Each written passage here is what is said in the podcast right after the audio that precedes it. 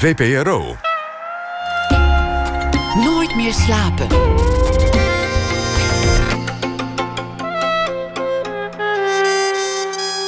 Met Pieter van der Wielen.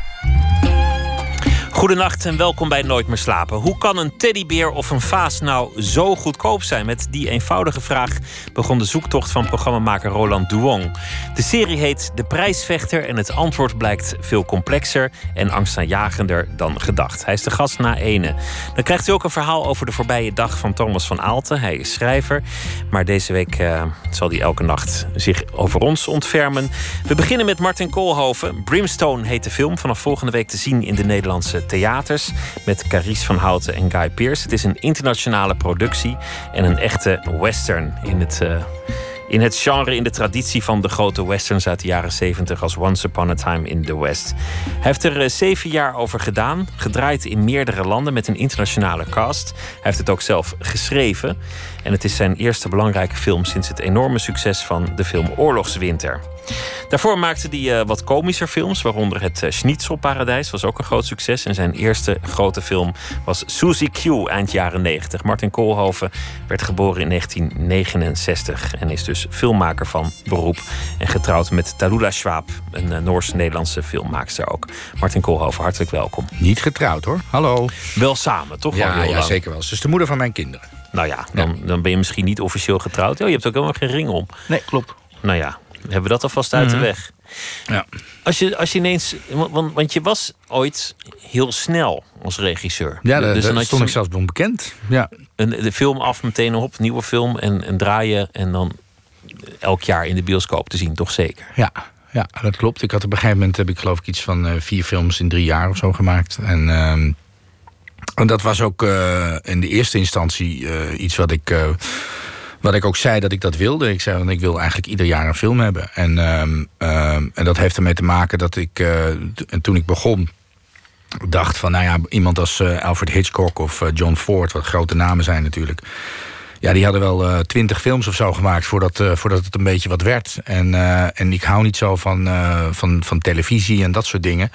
Dus eh, ja, ik, ehm, ehm, want dat, dat, dat kan je ook als, zeg maar, als, eh, als eh, vingeroefening gebruiken. Dus ik, eh, ik vond dat ik gewoon veel films moest maken om het, om het vak te leren. En nou, dat ging eigenlijk heel goed. En, en op een gegeven moment, toen maakte ik Oorlogswinter. En dat was een heel groot succes. En dat was ook voor mij de eerste film in heel lang waar die. alhoewel het een boek was, was dat wel mijn eigen idee om dat te verfilmen. En ik wilde eigenlijk niet meer terug naar, eh, naar eh, ehm, eh, films die me aangeboden werden. Wat ik een aantal jaar gedaan had. En, en, en, en toen begon ik, toen vond ik dat ik zelf, zelf weer moest schrijven. En, ehm, eh, en dat heeft gewoon, dat was een spier die ik lang niet geoefend had. Dus dat heeft toen een paar jaar geduurd. Maar er was ook een hele grote film. Dus toen duurde de financiering die duurde ook iets langer dan normaal. En het draaien van de film, dat, dat- het is gewoon een, ja, dat is best wel een grote film. Dus het is ook een epos, het is een, het is een lange film. Dus het heeft ook lang, het heeft anderhalf jaar geduurd om die film te maken. Dus dan, ja, dan zit je bij elkaar zit je in één keer op zeven jaar. Dus dat, eh, zo Maar gaat dat. Ja. is het ook een soort gedachte van als, als ik doorga op deze manier, elk jaar een, een, een Mhm. film maken, dan is dit mijn oeuvre, dan is dit mijn, mijn nalatenschap? Ja, dat heeft er wel mee te maken. Ik, ik, ik vond dat eh, de. Eh, to raise the bar, heet dat? Eh, de, de, de lat omhoog moest. En, eh, ehm, eh, en als je vindt dat je, dat je ieder jaar een film moet maken omdat je daar beter van wordt, dan moet er op een gegeven weet je, dan moet er op een gegeven moment een punt zijn dat je denkt: oké, ik denk nu dat ik, het, dat, ik het, dat ik het genoeg onder de knie heb om echt de diepte in te gaan. Je dacht, er zit meer in. Ja. Dat, dat lijkt me voor een filmmaker ingewikkeld. Want je, je geeft interviews over je film. Je gaat naar een première. Je doet je strikje aan. Ja. Je komt op tv. En je, en je moet ook die film verkopen. Want er is tenslotte geld in geïnvesteerd. Als je dan zelf ergens denkt... Ik sta, er, ik sta er wel achter, maar het is niet het beste wat ik kan. Dat lijkt me frustrerend. Nou, maar het is ook niet. Het, dit klinkt zwaarder dan het, eh, dan het is. Eh, elke keer als ik een film heb gemaakt, was ik wel trots op die film. En ik ben eigenlijk nog steeds wel trots op die films. Het is niet zo dat, eh, dat ik. Eh, dat ik denk van dat, dat, dat zijn snetfilms of zo. Helemaal niet. Ik, ben, eh, ik, ik, ik, weet van elke film weet ik waarom ik ze gemaakt heb en wat, wat, eh, wat eraan gelukt is. En, en, en, en het zijn ook allemaal zijn die films zo goed geworden als dat in mij zat op dat moment. Alleen, uh, ja, iedereen, denk ik, die, die begint met, met iets. Ik denk dat iedereen die begint met, met muziek, denkt dat die de Rolling Stones of, is. En ik dacht toen ik begon, dacht ik ook van dat, dat, dat ik de nieuwe Alfred Hitchcock of Orson Welles of Stanley Kubrick zou worden. En ja, ik... ik uh, Moet je toch ook denken als Precies, maar op een gegeven, op een gegeven moment dan, dan, dan, dan word je veertig of zo. Dan, dan kun je jezelf niet meer voor de gek houden. Nu zeggen, ja luister, als, dat, als je dat wil... dan moet er nog wel wat gebeuren. Dan, moet dan, dan, dan kan je niet zo doorgaan zoals je nu bezig bent. En, en op zich ging het heel goed. Hè? Ik bedoel, laten we... ik ik zat in Nederland denk ik wel aan, uh, aan, aan de top. En uh, ik, ik had heel veel werk. Alleen dat was op dat moment, vond ik dat niet genoeg meer. Ik wilde dat het beter, nog beter werd. Gewoon kijken wat er nou eens mogelijk is. Wat, er, wat als je geen enkel compromis sluit. Niet in tijd, niet in geld, niet in, in, in andere dingen. Maar als je gewoon echt gaat voor het maximaal haalbare. Dat was eigenlijk de missie. Ja. Is het gelukt? Nou, ik ben, eh, weet je, dan, dan kom je op het moment dat. Uh, ja, ik ben gewoon heel erg trots op die film. En uh, ja, maar wie ben ik om te zeggen of die film goed of slecht is? Ik denk dat die, dat die, uh, dat het ik ben, ja, ik ben er gewoon heel trots op. Het is absoluut, het is absoluut, ja, ik denk dat het. Ik denk dat die, ja, ik ga het gewoon zeggen. Ik denk dat hij heel goed is. Ik denk dat het veruit mijn beste film is. Ja, ik, ik ken tal van regisseurs die naar hun eigen film kijken en denken: ja, het is toch jammer dat, dat we die scène niet nog een keer hebben overgedaan. Of, of toch jammer dat het niet is gelukt om die acteur te krijgen. Of ja. Nou, dat, dat, dat gevoel heb ik, heb ik nu, nu niet. Maar het is natuurlijk ook zo dat ik die film net af heb. En uh, dat duurt even voordat je de eventuele uh, zwakke plekken, denk ik, dat je dat echt ziet of zo. Weet je, nu, als ik nu uh, kijk en, en, en, dan gaat het echt over hele kleine, onbelangrijke details waar ik me dan aan erger. Weet je, dat zijn dingen die ik alleen zie. Dus, nou. Het is een, een, een western. Dan waag je je meteen aan een genre waarin zulke enorme meesterwerken zijn gemaakt. Dat de vergelijking zich opdringt met de allerbeste en de allermooiste. Ja. Ik noemde Once Upon a Time in the West. Ik had er nog veel meer kunnen noemen. Ja. Je bent zelf een liefhebber van, een, van het ja, nee, dat, dat is natuurlijk wat mij ook uh, uh, aantrok aan het idee om een western te maken. Dat dat inderdaad een genre is waar, waar je tot hele grote hoogte kan stijgen. Alleen als je dan op een gegeven moment dat besloten hebt... en, en dan naar dat witte papier kijkt... Dan, dan is het ook best wel intimiderend om te denken van... Ja, maar wacht eens even. Dat is, uh, de, de, daar kan je ook heel hard mee op je bek gaan natuurlijk. Omdat het, uh, je, ja, je wordt in één keer, uh, sta je in het rijtje van, van, van nou, dat, dat, zijn nogal wat films. Hè. Dat, zijn, dat, dat zijn absolute meesterwerken inderdaad. Je noemde er een paar, maar dat zijn er inderdaad heel veel. En dan is er eigenlijk maar één ding wat je kan doen. En dat is gewoon in jezelf zoeken en kijken of er...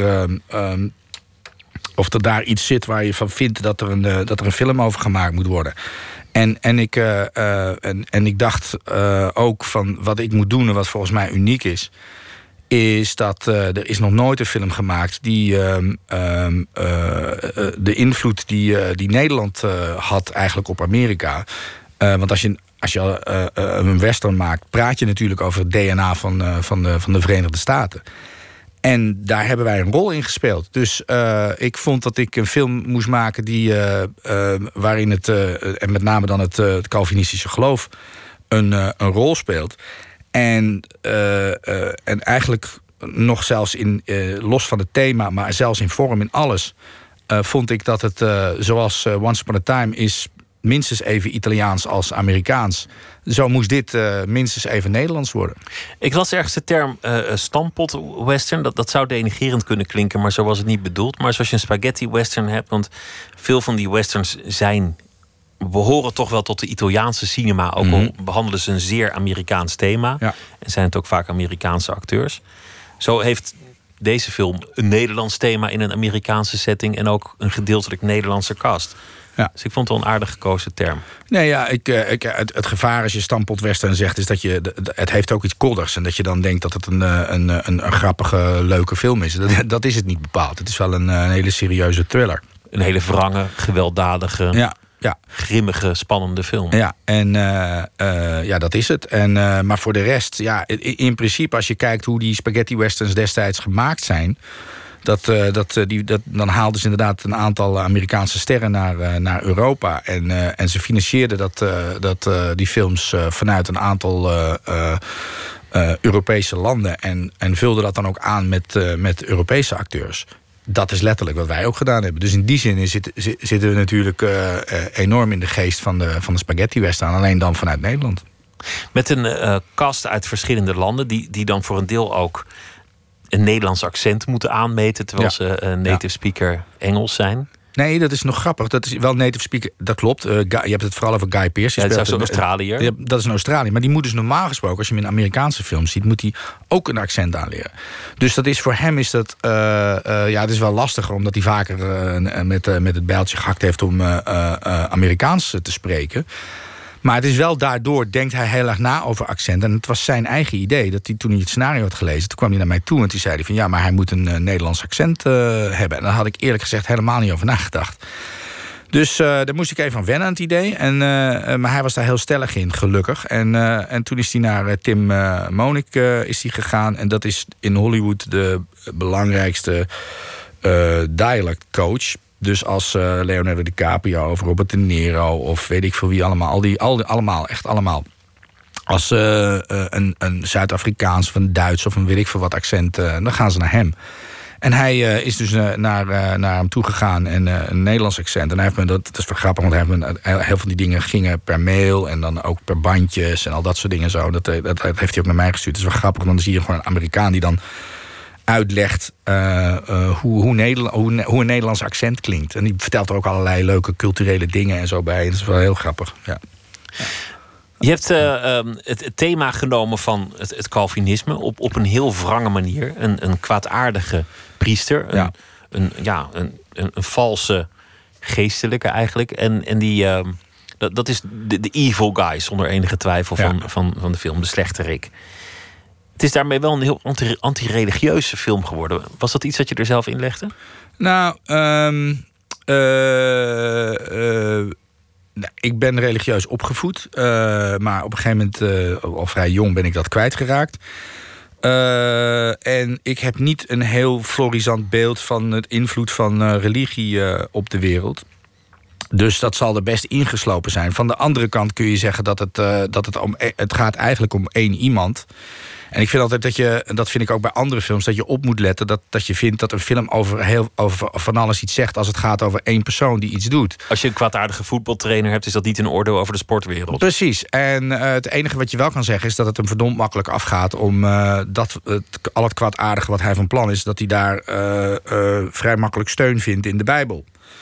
En dat is iets wat, uh, uh, wat, in, wat je in, in de wereld nou, nou, nog steeds ziet. Of het nou de Koran of de Bijbel of weet ik veel wat is. Het is in, in de Heilige Schriften. staan nogal wat, wat, wat, wat staat eigenlijk nogal wat narigheid. En, dat, en, da, en, daar kan naar verwezen worden als je, als je, als je kwade dingen wil doen. En wat er gebeurt eigenlijk in de film bij hem, is dat hij op een gegeven moment zeg maar zijn eigen verlangens en zijn eigen wil.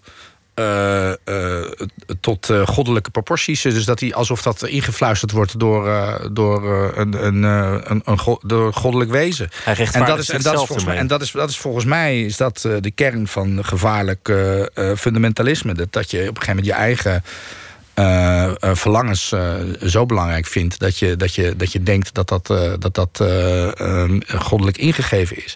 Maar van de andere kant, je hebt, het, het, waar we het eigenlijk nog niet over hebben gehad, is dat het wat, wat minstens even belangrijk is. Het gaat ook heel erg over de positie van de vrouw in het, in het Westen. En de film bestaat uit vier hoofdstukken. En er zit ook een hoofdstuk in dat speelt zich af op ehm, uh, uh, hoe heet het, uh, in, een, in een mijnstadje. Ja, en ook daar worden de vrouwen net zo slecht behandeld als... als en, en daar is God behoorlijk afwezig. Dus het, het, het, is ook iets wat, wat heel erg met die tijd te maken heeft. Maar ik kan niet zeggen dat... Ik, ik, ik kan niet ontkennen dat ik, dat ik toen ik het schreef... wel degelijk wist dat... dat dat ik niet een, uh, een, reclamefilm voor religie aan het maken was. De film is al door, door verschillende prominente feministen omarmd. Zag, die leerde een eh, zoektocht op het internet. Nou, dat, dat, vind ik op zich grappig. Ja, of grappig. Ik vind dat, nee, ik vind, vind ik, wel, ik vind dat wel prettig, laat ik het zo zeggen. Maar het is niet iets wat, wat mijn absolute het is ambitie geen pamflet Of, of wat dan ook. Nee, helemaal niet. Alleen ik denk als je een film maakt uh, uh, over vrouwen in die tijd die hadden het niet ehm, heel goed. En dat, is, en dat is op zich wel, wel interessant. Dus dat een western is eigenlijk natuurlijk een, een typisch jongetjesgenre. Hè? Dus echt van... dat, appelleert aan ons gevoel van avontuur en vrijheid. En de anarchie die daar heerst, dat, dat, dat vinden wij lekker. Alleen, ja, ik, op een gegeven moment dacht ik ook van... ja, dat, dat is natuurlijk precies wat ik, wat, ik, wat ik ook altijd zo interessant aan vond. Maar dat, dat, dat geldt niet voor, voor het vrouwelijk deel van... Weet je, eh, die, hadden, die hadden niet zoveel keus toen. En dus daarom vond ik ook dat ik daar een, een, een, een film over moest maken. Dus als je dat dan doet en, en, en het gaat over de manier waarop zij behandeld worden... ja, dan, dan kan je daar snel als je dat gewoon eerlijk doet, dan kan je daar snel een, een, een, een, een, een, een feministisch idee in, in, in vinden natuurlijk. De muziek is gemaakt door uh, Tom Holkenborg. Ja. Uh, ooit doorgebroken in Nederland onder de naam Junkie Excel. Die, die is al heel lang ah, in, de hele wereld. Uit de nummer 1 in Amerika zelfs toen. Ja, ja. een hele grote hit ook. Maar hij houdt zich al heel lang bezig met, met uh, veel muziek. Ja. Gaan luisteren naar een, een gedeelte van de soundtrack van Brimstone.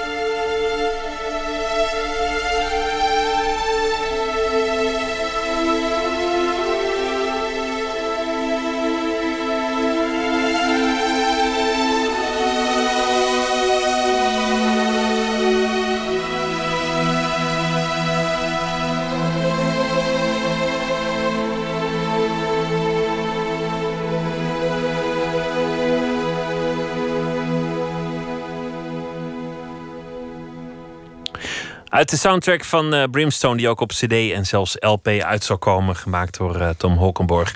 Tegenover mij zit de regisseur Martin Koolhoven. Um, Brimstone te zien in, in de bioscoop. We kunnen er ontzettend veel over zeggen, maar ik ben, ik ben ook een beetje bang dat ik het. Uh, dat, het einde ga verklappen of zoiets. Nou, er zit sowieso zitten er ontzettend veel, heel veel twists zitten erin. Dus het is heel snel. ik, ik merk dat zelf ook. Dat ik, dat ik, als je erover gaat praten, denk ik, oh nee, dat mag ik niet vertellen.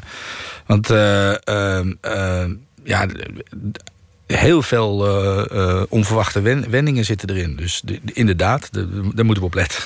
Ja. Je bent uh, geboren in 1969 en dat was allemaal in Den Haag. En toen ben je verhuisd naar het zuiden des lands. Nou, en... er, zit nog de, er zit nog even het Westland tussen. oh ja, het Westland. Ja, En toen heb je op een zeker ogenblik een hele andere carrière voor ogen gehad. Want je bent naar de, naar de LTS gegaan. Ja, klopt. Het beeld van filmmaker, dat, dat was mijlenver van je bewustzijn ja, dat, verwijderd. Uh, in Brabant, uh, uh, ik ben toevallig vandaag ben ik geweest en heb ik een jongen ontmoet die een, een, een, een, film heeft gemaakt in Asten. En, en tenminste, hij komt uit Asten en heeft gemaakt in Asten en Zomeren. Ja, ik denk dat dat voor het eerst sinds. dat is mij ook niet eens gelukt toen. Ik moest weg. Dus, dus ik vond dat. nee, dus ja, dat, dat zat niet in, je, in, in, in, in het hele denkraam, zeg maar. Dus dat, dat, dat, ik was 18 of 19 toen ik dat pas echt door had. Ja. Hoe kwam dat, dat dat ineens een, een mogelijkheid werd?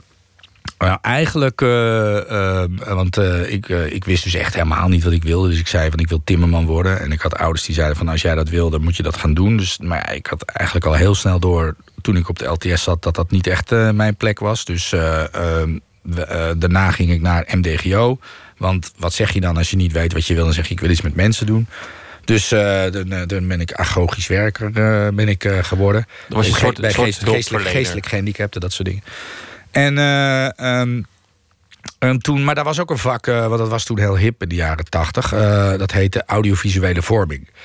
En daar is het eigenlijk een beetje begonnen. En toen ik die school afgemaakt had en ik toch ook wel door had dat dat, dat, dat ook niet wat ik wilde, was wat ik wilde ging ik heilig nadenken over dat, uh, dat audiovisuele aspect. En ik wist nog niet zo goed wat het was. Of ik nou, ik, ik, deed toen radio, fotografie, een beetje van alles eigenlijk.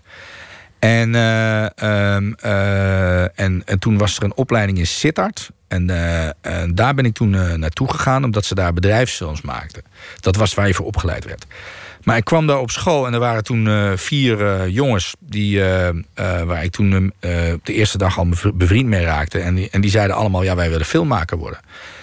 En het is alsof de bliksem... Ik, ik, ik had zoiets van, oh, dat, ja, natuurlijk, dat is wat ik wil. En toen heb ik gewoon gedaan alsof ik dat altijd al wilde. En ik zei, ja, nee, ik ook. En, en, en is, zo is, is er is er wel een moment geweest dat je dacht: de rest van mijn leven ga ik bedrijfsfilms maken of, of, uh, of huwelijksreportages of, of, wat, wat een lokale filmmaker ook doet? Uh,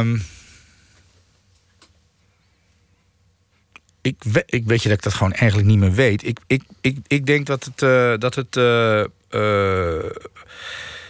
het, het, is hetzelfde als toen ik op een gegeven moment zei van ik wil een western maken en dat ik dacht dat dat een grap was. En toen zei iemand van ja maar waarom doe je dat dan niet? En toen en en uh, en dan dacht ik ja maar waarom eigenlijk niet? En dat is hetzelfde als uh, toen van ja dus er zit iets in uh, dat je dat ik dan klein dat ik dan bepaalde dingen niet durf of zo of dat ik dan nog eens een, een, iets moet hebben of zo dat ik dan om, om, om, om durven te, toe te geven. Zo weet ik veel dat een soort provinciaal minder, minderwaardigheidscomplex of zo is waardoor ik dat uh, dacht van, nou ja, dat, dat, zal wel niet lukken... of dat kan ik niet, of uh, zoiets of zo, denk, denk ik. Ik weet het niet precies. Ja. Ik denk dat het in een gemiddeld uh, café sowieso... maar een, een café in een dorp nog meer wordt afgestraft. Als nou, je daar ja, als 16-jarige zegt van... Absoluut. Hè. Ik, toen ik, ik word de nieuwe Steven Spielberg, let maar op. Nou ja, dat, uh, dat, dat is, Steven Spielberg was toen heel, uh, heel bekend en populair. Dus dat werd gezegd, ja, dus jij denkt dat je Steven Spielberg wordt. En ik, ik weet nog heel goed dat ik, uh, toen ik... toen ging ik naar Amsterdam... Was ik uh, de eerste keer had ik me aangemeld dat, uh, naar op de filmacademie. Toen werd ik afgewezen trouwens. En toen ben ik naar, uh, naar Amsterdam, was ik, en ging naar de bioscoop. En er waren ook een heleboel. er was net een soort feestje. En daar was Pim de la Parra. En, en, en, en, en, toen kwam ik daar Kiki Klasse tegen. Dat was iemand die zat toen in Zeggens aan. En, uh, en ik had daar, weet ik veel, een half minuut mee gesproken of zo. En ik kwam uh, uh, terug in Ast en ik vertelde van... nou, ik heb, ik heb Kiki Klas gesproken. Dat geloofden ze gewoon niet. Ze zeiden, ja, die, die zal er een beetje met jou gepraat. Echt niet. Dat kent ik niet. Dus ja, nee, dat... dat maar het, het, is een wonderlijk contrast. Als je, ja. als je eenmaal hebt besloten... oh ja, natuurlijk, ik wil filmmaker worden... dan komt er ook meteen een enorme ambitie vrij... waardoor, waardoor je het ook daadwerkelijk gaat doen. Ja, blijkbaar, ja. Maar ik, ik, ik heb echt heel veel gehad aan die, uh, aan die... We hebben elkaar wel heel erg opgenaaid toen hoor, met z'n vijven. Dat was echt uh, dat was een heel hecht groepje. Die zijn ook allemaal wel in de film terechtgekomen. Uh, en ja, wij, wij, wij, wij kaapten gewoon al die spullen en we gingen gewoon films maken. En heel hard schreeuwen dat we heel goed waren. Je hebt ook nog de filmacademie daadwerkelijk ja, gedaan. wel, ja. Ja. En toen, toen ging je films maken, een afstudeerfilm en, en iets voor televisie. Maar toen kwam jouw eerste grote film, Suzy Q. Ja. 1999, zeg ik uit het hoofd. De doorbraak van een piepjonge Carice van Houten. Ja. Het is een film die speelde in de jaren 60. Iemand speelde zelfs Mick Jagger. Ja, klopt. Ja. Dat was toen de vriendin van Madonna trouwens. Die, uh, de toenmalige vriendin, die speelde Mick Jagger. Klopt. Ja. Wat later de film ook een beetje in de weg heeft gestaan, omdat je die muziek had gebruikt, kon je, kon je qua rechten ja. er vrij weinig mee. Nou ja, hij kon op tv en hij mocht op, uh, op filmfestivals mochten draaien. Maar hij wilde bijvoorbeeld, uh, ze wilden hem in de bioscoop uitbrengen. Ze wilden hem ook zelfs in Frankrijk in de bioscoop uitbrengen. Maar ik had, hem helemaal volgestopt met, uh, met allerlei muziek. En dat mocht wel voor televisie, maar voor de rest niet. maar van de andere kant, wat wel grappig is, is dat hij door de jaren heen heeft hij, heeft hij daardoor wel een soort cultstatus gekregen. Weet je wel, heb je die niet gezien? En dat, is, dat is wel weer leuk. Ja.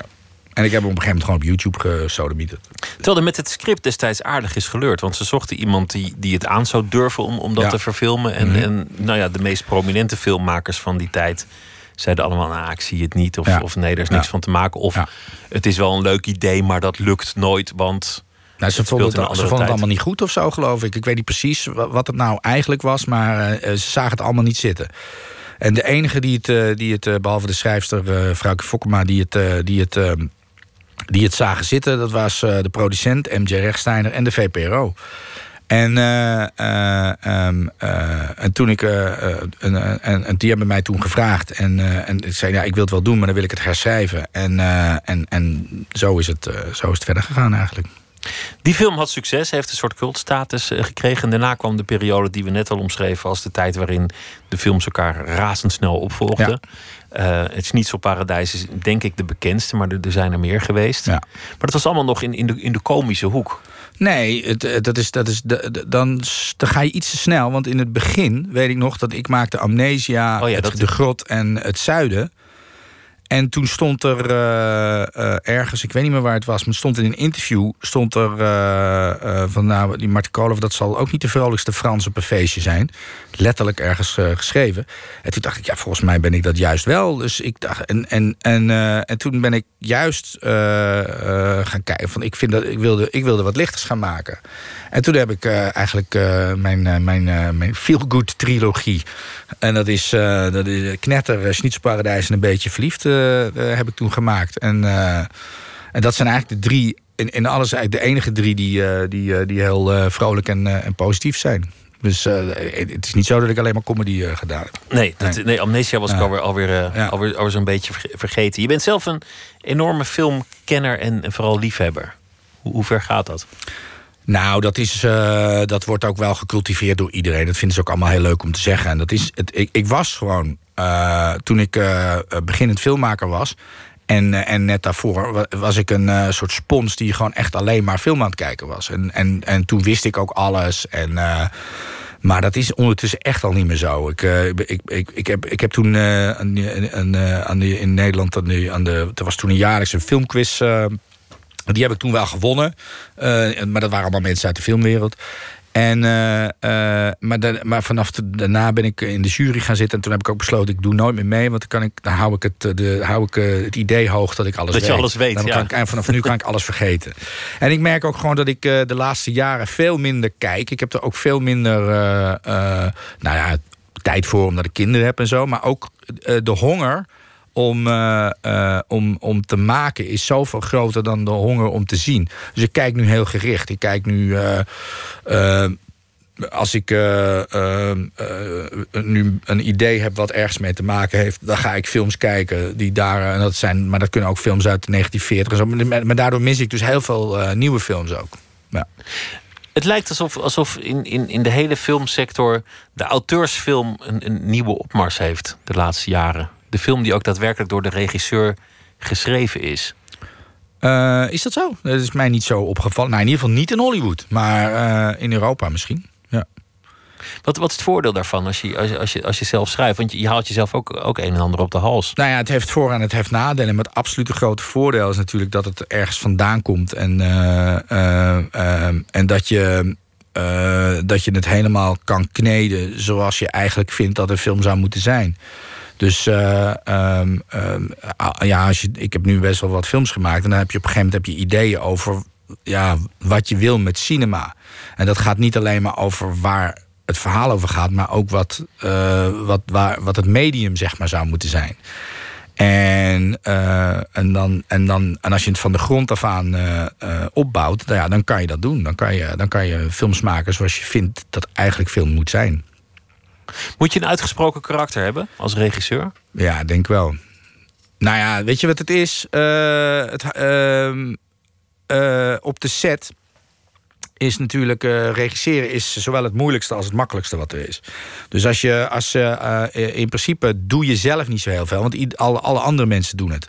Alleen jij, jij geeft daar leiding aan.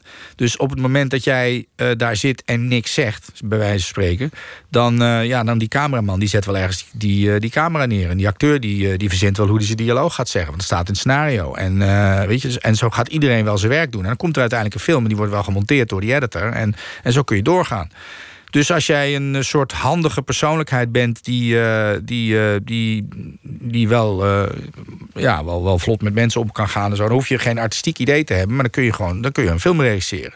Het wordt pas lastig als je, als je, als je ambities hebt en als je daadwerkelijk echt iets wil. Want dan moet je dus aan al die mensen die dus in principe meer weten van wat ze aan het doen zijn dan, dan jij en daar ook meer ervaring in hebben. En hun eigen opvattingen en, en hun eigen opvattingen, die moet je dan proberen om in jouw denkpatroon mee te gaan en het eigenlijk voor jou te doen. En dan, dan wordt het in één keer een stuk moeilijker. En er komen ook mensen die, die betalen misschien ook wel. Die gaan zeggen, ja, hij is wel wat aan de lange kant. Ja, dat gaat ook gebeuren. Zeker als je een film maakt zoals deze, 12 miljoen. Dan, uh, dan, dan ligt dat op de loer dat er, uh, dat er, uh, dat er mensen zijn die, die daar invloed op uit proberen te, te oefenen. Ja, en daar ben ik, voel ik me zeer geprijsd met, met, met Els van der Vorst. Dat mijn producent en waar ik samen het bedrijf mee heb, N279 Entertainment, waar we deze film mee gemaakt hebben. En die heeft dat uh, van het begin af aan uh, heeft ze dat heel goed afgeschermd. En heeft al die contracten uh, goed bekeken. Zodat ja, dat we uiteindelijk de final cut, dat, dat, lag, dat lag bij ons. En, ehm, maar dan nog gebeurt het natuurlijk dat er mensen gaan proberen om invloed. en en die, dat kan best wel, best wel lastig zijn. Maar uiteindelijk uh, heeft, ze de, heeft ze dat gewoon allemaal van mij afgehouden. En, uh, en hebben we de film kunnen maken zoals die, uh, zoals die uiteindelijk geworden is. En heb ik, en heb ik daar niet. ik heb daar geen compromissen voor hoeven te, hoeven te doen. Er was zelfs sprake van dat, dat er twee versies zouden komen, namelijk Brimstone en Martin Koolhovens Brimstone, zodat dat iedereen wist welke ja, nou, van jou was, kwam? Ja, dat, is, dat was toen de, ehm, de film uitgenodigd werd door de competitie van Venetië. Toen kwam er een raar moment. En dat had ermee te maken dat, dat er dan ergens in komt. Dat een van de, van de, um, de geldschieters. die had in zijn contract staan dat hij toestemming moest geven. om, om, om naar het festival, welk festival we gingen. En, uh, en die zei toen van ja, maar ik ga er geen toestemming voor geven als je niet een uh, kortere versie maakt. En ja, en ik zei dat doe ik niet. En, en toen, toen was er even sprake van. toen is er gezegd van nou, weet je, maar als stel dat Amerika vraagt om een, een kortere versie, dan moet je een kortere versie maken. En dat heb ik toen gezegd van nou oké, dat, dat, dat ga ik dan wel doen. Maar dan, zoals er boven de titel staat, Koolhoven's Brimstone nu. Maar dan gaat die Koolhoven eraf. Dan wordt het gewoon Brimstone. En, uh, maar ondertussen is hij verkocht aan Amerika. En uh, zij hebben gewoon uh, mijn versie gekocht. Dus dat is, is, dat een dus soort dat van blijft, politiek? Hij blijft gewoon, ja, dat is, dat is alleen maar. Dat is niet een soort van politiek, dat is politiek. Dat is ja. gewoon dat je wisselgeld hebt. Van ja. nou, dan zet ik mijn naam er niet op. Ja, nou, dat is ook een beetje flauw van mij natuurlijk. Maar ik, nou ja, ik, nou ja, het heeft ermee te maken dat ik, je, alles is contractueel ingedicht. Dus er staat gewoon, eerder staat regisseur Martin Kolen. Dat mag ik er niet afhalen. Als zij. nou, en, dus toen heb ik erbij bedacht dat ik hem gewoon boven die titel zet. En dat ik me dan in die andere versie wel afkoel, dat kon ik. En dat zou dan zeg maar, naar het publiek een soort uh, teken zijn van nou, dat is niet mijn versie. Maar dat is gelukkig is dat, uh, is dat niet nodig geweest. Het is een, een, een, interessante hybride tussen een Nederlandse film en een, en een Amerikaanse film. Je had ook op een zeker ogenblik, volgens mij op meerdere momenten, de kans om gewoon nou ja, de boot te pakken met, met, een, met een grote hutkoffer naar Hollywood te gaan ja. en daar verder te gaan. Ja, nee, ik ben uh, meerdere keer gevraagd en nu ook weer. Dus, uh, maar ik heb daar nog niet, uh, ben daar nog niet op ingegaan. Waarom niet? Ehm, nou, ik kan daar heel stoer over doen en zeggen van dat interesseert me helemaal niks. Dat is ook niet helemaal waar. Maar er is gewoon nog niets geweest waarvan ik het gevoel had dat, ik, dat me dat genoeg interesseerde om daar naartoe te gaan. En uh, de manier waarop daar film gemaakt wordt, uh, vind ik ook zo eng en niet in principe bij mij passen. Dat ik ook niet zelf daar naartoe ga om daar enorm uh, mijn best te gaan doen. Om, want dat zou natuurlijk het slimste zijn als je daar films van maakt. Dan moet ik gewoon daarheen en dan moet ik gaan leuren. En dan ben ik ervan overtuigd dat, dat er op een, op een gegeven moment wel iets komt wat ik, wat ik leuk zou vinden. Alleen dat vind ik ook dan weer heel eng. Want ik weet ook hoe het daar. Daar heb ik er genoeg voor, voor rondgekeken. Ik weet ook hoe het daar gaat. Ik, ben, ik heb op dit moment niet de positie die ik eigenlijk vind dat je moet hebben om een film te maken. Hoe bedoel je dat? Nou, uh, uh, als ik nu daar een film maak en er, er komt een, een, een acteur, dan is die acteur belangrijker dan ik. Dus op het moment dat die acteur uh, heel erg zegt van ik wil per se met Martin Koolhoven werken, zo, dan heb ik, dan heb ik, uh, dan heb ik macht. Maar die positie heb ik. Ja, ja, er zullen nu best wel acteurs zijn er, maar dat zijn niet die acteurs die de, die de, die de, die de go-power hebben om dan die films voor elkaar te krijgen. Dus ik zal altijd, als ik nu daar een film maak, er zijn er twee mogelijkheden. Of ik kom wel bij die acteurs. Eh, eh, maar dan ben ik eh, de zwakste schakel. Dus op het moment dat er ook maar iets mis is, dan, dan, dan word je eruit gesodemieterd. Of je werkt niet met de absolute top. En, ja, en, dan, en dan, dan, dan, is het ook maar de vraag wat je, wat je status is. En of je, je dus mensen moeten je een beetje vrezen tegen je opkijken. Of in ieder geval heel veel respect hebben voor je werk. Voordat je met ze in zee zou gaan. Ja, en, dat, en, en, en eigenlijk, als je heel eerlijk bent, zijn dat echt maar een handjevol regisseurs op dit moment in Hollywood die die die positie hebben. Dat zijn er misschien tien of zo die dat, die dat hebben. En, daar, hoor, en daar hoor ik nu niet bij, dus dan ga ik er niet heen. Het beste idee wint niet vanzelfsprekend. Oh nee, zeker maar dat is nergens, nee, volgens mij. Nee, nee. Nou ja, hier uh, kan je het zo opzetten... dat je in ieder geval zelf kan besluiten wat het beste idee is. je, je, hebt je ook wel eens uitgelaten over de, over de Nederlandse film. En, en dat waren prikkelende uitspraken. Want dan zei ja, de ambitie is gewoon een beetje weg. Nou, nou ja, dat, uh, dat, dat vind ik bij een aantal mensen. En ik ga geen namen noemen, maar er zijn een aantal producenten en, en, en, ook wel regisseurs. waarvan ik vind dat ze heel ambitieus begonnen met, met heel, hele interessante plannen.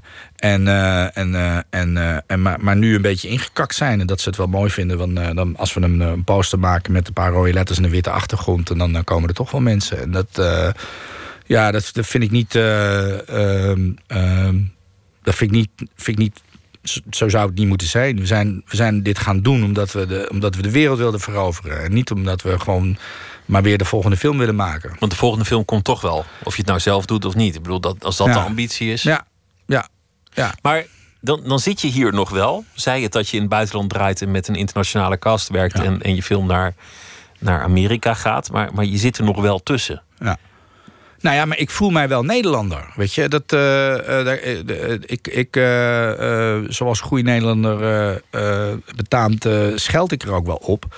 Maar ik ben gewoon wel hier opgegroeid en ik voel mij wel hier thuis. Weet je, dus, en ik, heb mijn kinderen hier op school en ik ik heb niet de behoefte om, om per se om naar, naar een ander land te gaan. En, uh, en, en, en al helemaal niet Amerika. En um, ik heb nu het idee, dat, en dat is bewezen met deze film... dat je dus ook vanuit hier iets kan doen wat interessant is. Dus uh, dat, uh, ik hoop dat dat, uh, dat dat nu dan iets makkelijker gaat. Dat het allemaal wat vlot, dat ik, dat ik wat sneller schrijf... en dat het wat sneller gefinancierd is.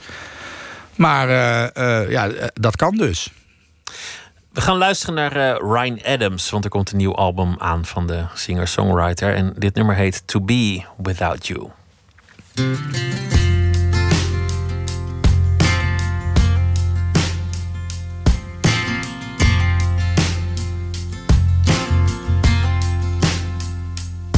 So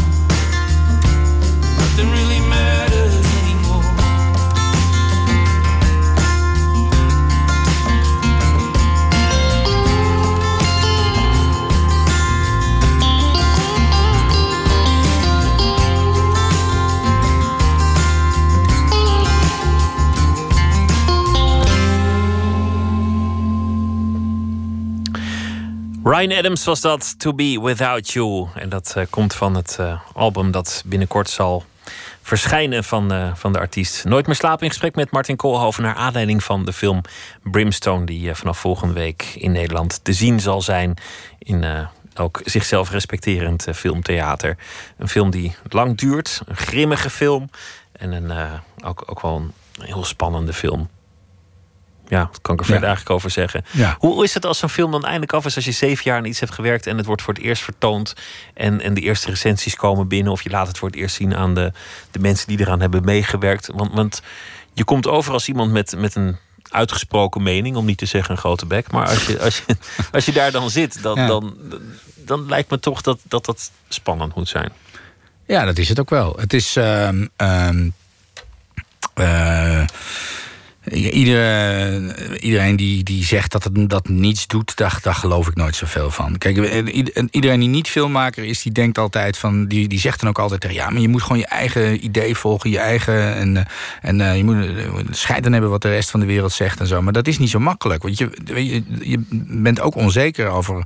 En, en, en, als, en als, als jij zegt we moeten rechtsaf, maar er staan twaalf mensen bij die zeggen, nou volgens mij is linksaf veel slimmer dan ga je toch denken van wacht eens even, wat is daar links dan uh, eigenlijk aan de hand? Dus uh, uh, dan, ik, ik, was behoorlijk zeker van de film toen hij, toen hij klaar was. Maar ja, dan, dan, dan je, je bent eigenlijk ook bang voor het feit dat stel je voor, nou, als andere mensen het niet goed vinden, en dat dat ook je eigen mening gaat aantasten van, van, van dat je je film anders gaat zien. Dat is eigenlijk ook nog misschien wat engste. Je kan er niks aan doen. Nee, dat heb je ook. Moment. Nee, nee. Nou ja, je kan, je kan uh, of, of, of, de, of de film succesvol is, kan je proberen te beïnvloeden. Zoals in, in programma's als dit gaan zitten en, uh, en, en, en allerlei fratsen uithalen om, om, om te zorgen dat die film onder de aandacht komt. Maar wat mensen ervan vinden, dat, ja, dat, dat, dat, dat, dat, dat moeten ze zelf weten. Ja, dat Helaas heb ik dat geniet. maar, maar je kinderen zijn opgegroeid in, in de gedachte dat hun vader aan een western werkte. Ja, klopt ja. ja. ja. Dus dat, dat legt al een, een zeker gewicht op zo'n Ja, dat eh, klopt. ja, dat is heel leuk. Dat is een, eh, een, op een gegeven moment, uh, mijn oudste zoon, die is acht. Die, die, die liet ik de trailer zien. En hij had eerder al gevraagd of hij mocht zien. Ik zei, nou, dat is toch een beetje, een beetje te eng nog. Dus ik keek die trailer en toen zei hij, ja, ja ik geef hem een vijf, zei hij. Ik zei, vijf. Hij zei, nee, dat is veel te eng. Dat is niet goed, zei hij. Hij vond het gewoon eng. Ja, ja nou, ja, nou, hij kon niet hebben dat ik een film had gemaakt die hij niet mocht kijken. Dat was het gewoon, denk ik. vanaf, vanaf 16 jaar zal het zijn of zo? Ja, 16 jaar, ja. ja, ja. Hoe is dat thuis? Want, want jullie werken allebei in de film. Mhm. Talula die was hier vorig jaar uh, te gast uh, vanwege Dorstvloer vol confetti. Ja. De, de verfilming van het, van het boek van Franka Treur. Een film die het goed heeft gedaan. Ja. Terwijl het best veel in zich had om niet heel commercieel te zijn. Ja, klopt. Een vrij, vrij uh, introverte film was het. Mm Gaat het bij jullie thuis de hele godganse dag over film? Of valt het ook wel weer mee? Nee, dat valt nu wel mee. Dat was in het begin van, uh, uh, van onze relatie. Maar toen zaten we allebei op de filmacademie. Daar met elkaar moet. Daar ging het wel heel uh, alleen maar daarover. Maar ondertussen, nou ja, ik weet niet, heb jij kinderen? Als je twee kinderen hebt, dan gaat het heel vaak over die twee kinderen. Dus, die nemen het over. ja, dat neemt je hele leven over. Maar we hebben het wel over film. En, en, en het is wel zo dat wij zijn wel uh, denk ik, uh, het, eerste publiek uh, van elkaar. Dus als ik een idee heb of zo, dan ik betwijfel een beetje, of dan, dan, dan zal ik dat altijd al met, direct al met haar bespreken. En als, ik, als er een scenario is, dan laat ik het te lezen. En als ik een, een montageversie heb van een film, dan laat ik het zien. Dus het is, uh, dat, uh, dat, dat is wel heel prettig. En wat ook heel prettig is, is dat uh, de meeste filmregisseurs die je kennen, die hebben allemaal ruzie met hun vrouw, omdat ze de, de, de kritiek krijgen dat ze getrouwd zijn met hun werk. Ja, dat zijn wij allebei. Dus dat, dat begrijpt zij heel goed. En als zij op het moment dat zij een draait, dan snap ik ook dat ik niet met, met allerlei lullige, onbelangrijke dingen aan haar hoofd moet zeuren. Ze weten hoe het werkt en ze ja. weten hoe zo'n zo'n zo'n dag eruit ziet. Precies, en, en wat het met je doet. Probeer je ook te leven als een regisseur? Heel veel regisseurs die, die hebben een, uh, een, een, zeker imago of, of levensstijl die past bij het, bij het métier. Heb je jezelf daar wel eens op betrapt? Nee, ik, uh, ik dacht dat je iets anders bedoelde. Als je probeert te leven als een regisseur, dan ik wou ja zeggen. Ja. Omdat ik dacht van, uh, ik ben wel gewoon eigenlijk altijd alles wat ik, waar ik mee bezig ben, op zoek naar uh, of ik er iets mee kan. En of het, of het op de een of andere manier mij kan helpen in wat ik doe. Een soort honger naar ideeën. Ja, eigenlijk wel. En, uh, uh, maar met imago, dat. Maar, maar komt dat om. Vind dat, vind, wek ik die indruk? Zie ik, nou, zie ik eruit. Dat heeft Kim Verkoot heeft dat ooit tegen mij gezegd. Nou, op de filmacademie. als, je, als je regisseur opzoekt, dan staat jouw, jouw foto staat erbij. Je hebt een, beetje vet in de, in de hoek van je snor en een krulletje wat modieus is. En je, je draagt altijd zwart. Nou is het ook, ik bedoel, je moet. Noem maar één andere regisseur die dat ook doet. Nee, dat zeg ik niet, maar... Dus, dan is het, dan, eh, dan, ja, dan, dus het is niet zo dat, dat, ik, eh, dat, dat iedereen dat doet... en dat ik daardoor mee aan een soort van imago van, uh, van filmmakers wil voldoen. Want het, volgens mij is dat niet het imago van filmmakers. Maar ik, ik draag zwart, dat klopt. En dat, dat is omdat ik dat mooi vind en om, om, om, om dunner te lijken. Jezus, Alleen dat werkt niet, hè? Dat, dat, dat zei laatst iemand tegen mij. Die zei van... Uh, het is zo dat mensen zien jou in het zwart... en dan kijken ze en iedereen weet namelijk dat je dat afkleedt. Dus iedereen denkt, ah, dus eigenlijk ben je nog dikker. Dat is... Uh, wat, je, wat, wat, wel werkt is volgens mij dat, dat mannen voorbij een zekere leeftijd steeds jongere kleding gaan dragen om jong te lijken. En dat werkt precies tegenovergesteld. Je kan beter een pak aandoen. Nou, ik, doe, ik draag eigenlijk al vanaf de filmacademie draag ik al pakken. Dus uh, dat was toen ouderlijk. En, uh, en, en, en, nu uh, is het redelijk normaal volgens mij. Mijn, ja. Is die stem van het dorp ooit uit je, uit je hoofd verdwenen? Die, die, die toog. Die mensen die zeggen van... Uh, goh, goh, die denkt dat hij de nieuwe Steven Spielberg is. Uh, nou ja, ik weet het niet. Over Texas zeggen ze altijd... je kan de jongen kan je uit, uh, uit Texas halen... maar je kan Texas nooit uit de jongen halen. Misschien geldt het ook wel voor, voor Asten. Dat weet ik niet. Je, je, je, je, je horizon aardig verbreed. En, je, je, je, doelen die zijn steeds ambitieuzer geworden. Ja. En je hebt jezelf ook wel ontworsteld aan, aan, je lot. Nou ja, het, uh, het, het is wel zo dat, dat in bijna al mijn films zit, uh, zit iemand die op een gegeven moment ergens vast zit in een hok of, uh, dat, of ergens weg wil. Of, dus het is, misschien komt het daar wel door, ik weet het niet. Ik zit ineens heel erg te, te, denken of dat voor Brimstone geldt, maar dat geldt volgens mij er zit ook iemand is voor, voor Brimstone. Zit daar ook, ja hoor. Iemand die, die heel, graag, heel graag weg wil van, uh, van, de, van de plek waar die, waar die zit. De hele dag honger naar, naar ideeën. Alles wat je, wat je meemaakt zou een idee van, voor een film kunnen zijn. Ja, of, voor, uh, uh, of waar je mee bezig bent. Of soms specifieker. Je hebt niet altijd grote ideeën nodig. Soms heb je ook kleine ideeën nodig. Noem eens iets. Wat, wat, zijn, wat zijn de ideeën waar je nu mee, mee, mee vecht? Ehm, nou ja, ik ben nu uh, bezig met, uh, met Willem Bos om een, uh, een verhaal wat zich afspeelt in, in Indonesië, 19, of, net na de oorlog. En, en dat is een soort film noir. En daar, daar speelt. ja, ik zit nou te denken of, ik dat, of dat wel slim is, want ik heb daar helemaal. Nou ja, daar, daar, daar, daar zit. Het is tien voor, tien voor één. Ja, niemand luistert, is ook zo. Dus die, daar, daar, daar, daar, daar heeft dat is allemaal nog niet gezegd dat dat allemaal wordt wat ik, waar, wat we, waar we nu mee bezig zijn. Maar dat, dat heeft uh, spanningen tussen, tussen blank en zwart, zeg maar, die, die, die komen daar ook in voor. En um, ja, dat, dat is wel iets wat, wat, wat de laatste tijd ook wel veel, veel besproken is. En dus kijk ik er ook met, met, met, met dat oog naar. En dan kun je, kun je soms kun je zin horen die, eh, die denkt van die, eh, die, eh, die ga ik opschrijven. Dat vind ik wel interessant met, met film. Dat, dat je geneigd bent om te denken dat een film een reflectie is op iets in, in de actualiteit soms. Ja.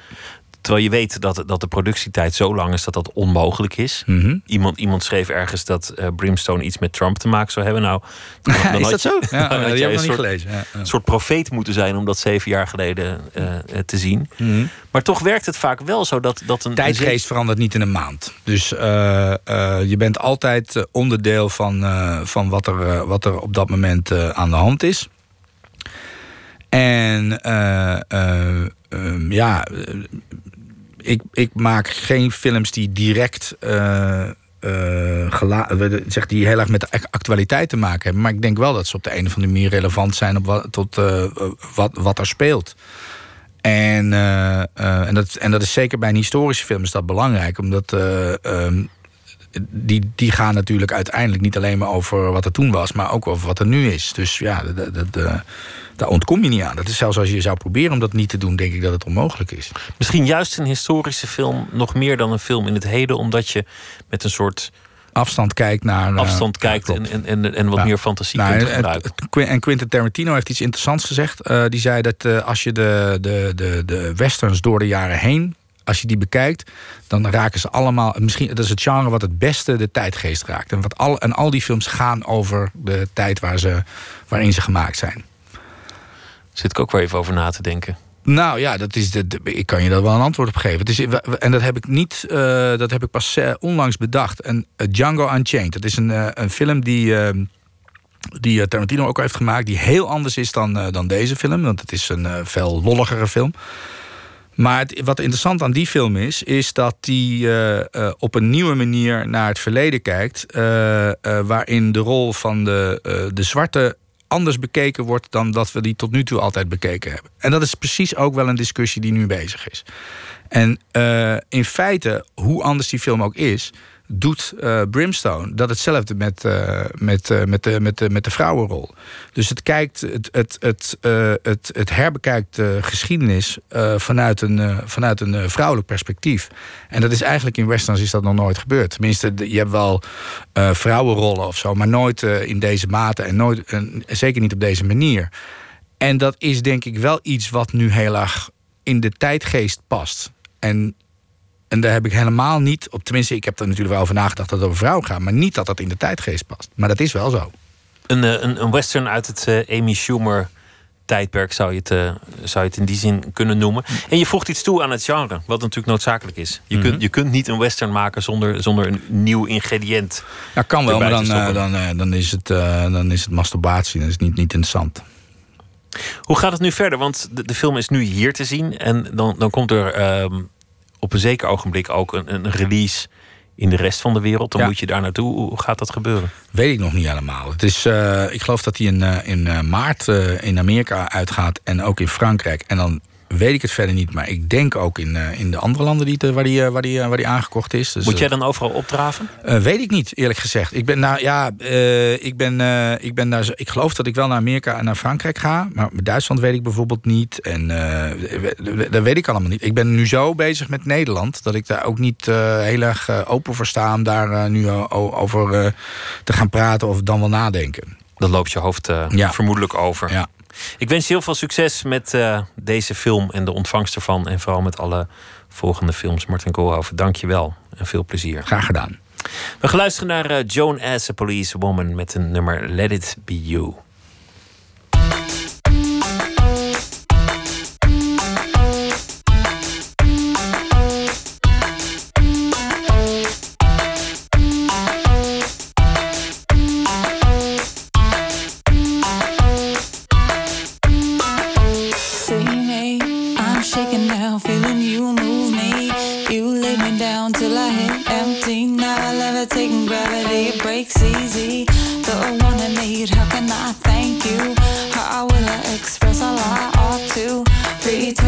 see the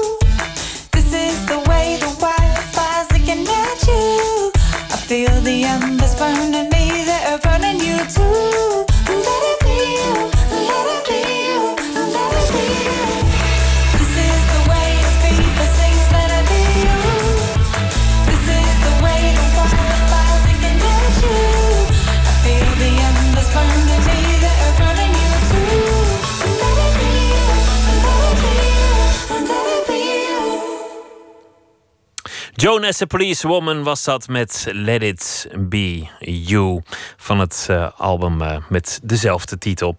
Zometeen uh, gaan we verder dan een gesprek over de voorstelling Sontag, over de Amerikaanse denkster Susan Sontag. En die is onder meer gemaakt door Naomi Felisario. En daar hoort u straks een gesprek mee. Roland Duan komt op bezoek. Hij is programmamaker, onder meer bekend van de Keuringsdienst van Waarde. Heeft een nieuwe Rijks gemaakt samen met Marijn Frank. Een driedelige serie De Prijsvechter. En het gaat over onze kooplust en de drang naar het goedkope. Goedkooplust noemen ze het dan ook uh, geestig. En Thomas van Aalten die eh, zal een verhaal maken bij de voorbije dag. En dat draagt hij zo meteen uh, voor. Twitter, het VPRO NMS. We zitten ook op Facebook, Nooit meer slapen. En u kunt de podcast downloaden via iTunes of de website van de VPRO. vpro.nl slash nooit meer slapen.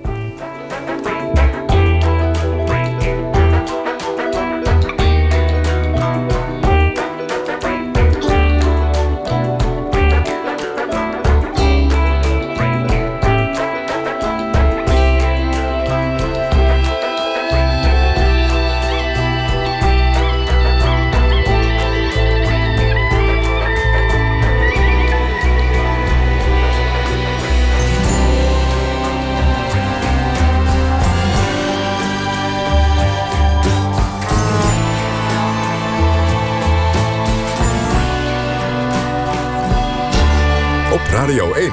Het nieuws van alle kanten.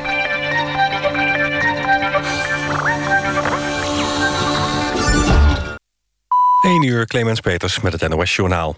De man uit Meppel die met de jaarwisseling ernstig gewond raakte door vuurwerk is overleden. Vlak na de jaarwisseling ontplofte er een stuk vuurwerk in zijn gezicht. Volgens de politie stak hij dat zelf af. Gisteren verspreidde de politie al het bericht dat de man van 54 uit Meppel was bezweken. Later bleek dat de man nog leefde. Ex-premier Haradinac van Kosovo is op verzoek van Servië... op een vliegveld in Frankrijk gearresteerd. De Serviërs houden de oud-premier en zijn paramilitaire militie... verantwoordelijk voor het martelen en doden van tientallen Servische burgers... tijdens de oorlog die leidde tot de Kosovaarse afscheiding van Servië in 2008. De 48-jarige Haradinac werd door het Joegoslavië-tribunaal... tot tweemaal toe vrijgesproken van oorlogsmisdaden. Maar de Serviërs houden vol dat hij schuldig is. De data van de aanslag in Berlijn was op 21 december enkele uren in Amsterdam. Dat staat in een brief van minister van der Steur. Het was al bekend dat Anis Amri die dag in Nijmegen was. Vanaf daar reisde hij door naar Amsterdam Centraal. Hij verliet het station rond half twee en keerde er even voor vier uur weer terug... om op de trein naar Brussel te stappen. Waar die die middag in Amsterdam is geweest, meldt van der Steur niet. Groot-Brittannië benoemt Tim Barrow tot nieuwe ambassadeur bij de Europese Unie. Hij was eerder ambassadeur in Moskou. Barrow gaat een sleutelrol vervullen bij de gesprekken over het vertrek van Groot-Brittannië uit de EU. Hij vervangt Ivan Rogers, die gisteren plotseling opstapte. Rogers vond de Britse regering niet goed had nagedacht over het vertrek uit de EU. Het weer, opklaringen en alleen in de kustgebieden nog kans op een bui. De temperatuur komende nacht een paar graden onder nul. Morgen van tijd tot tijd zon en vrijwel overal droog. De middagtemperatuur morgen tussen de 0 en 4 graden. Dit was het NOS Journaal. NPO Radio 1. VPRO. Nooit meer slapen.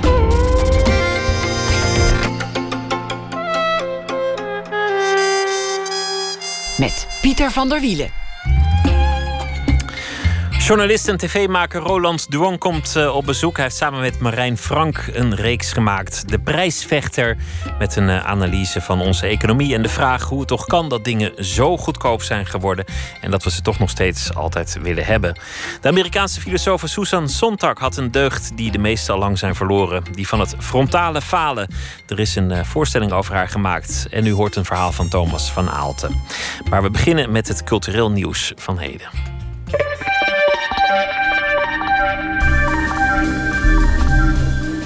Dit gebeurde er allemaal vandaag min of meer. Vandaag werd bekend dat Mindshake stopt, een jongere platform voor journalistiek met een zekere kwaliteit. Won meerdere prijzen sinds 2015. Vooral de documentaires deden het erg goed, waaronder de laatste film Yazidi Girls. Helaas liep het commercieel allemaal wat minder met Mindshakes en vandaar dit einde. Lina Dunham, bekend van de hitserie Girls, liet zich voor een speciale editie van het blad Glamour onbewerkt fotograferen. Geen Photoshop en geen andere bewerking. En op de coverfoto is meteen al cellulitis te zien op haar been. En uh, daar bedankt Dan het Platten ook voor. Want met de foto wil ze laten zien dat iedereen zich mooi moet kunnen voelen. Als het aan Apple ligt, komt er een einde aan de overlast door mobiele telefoons in bioscoopzalen. Het eh, bedrijf komt namelijk met een nieuwe bioscoopmodus voor de iPhone en de iPad. En dat zal inkomende oproepen blokkeren en het schermlicht een beetje dempen. En wie waarschijnlijk nog steeds wakker ligt is Rutger Ponsen, journalist van de Volkskrant. Want hij kreeg een unieke kans om in een kelder te kijken met een grote kunstcollectie in Iran. Het depot ligt vol met legendarische werken van Rothko, Francis Bacon, Liechtenstein en Warhol. En is sinds 1979 niet meer te zien geweest. Rutger Ponsen, welkom. Ja, Goeienacht. Hallo, goeienacht. Dit is een zoektocht van jaren geweest en ook een, ook een missie van jaren om daar binnen te komen. En op het allerlaatste moment was er een conservator die zei: Oh nee, ik doe het hek niet open. Hoe was dat?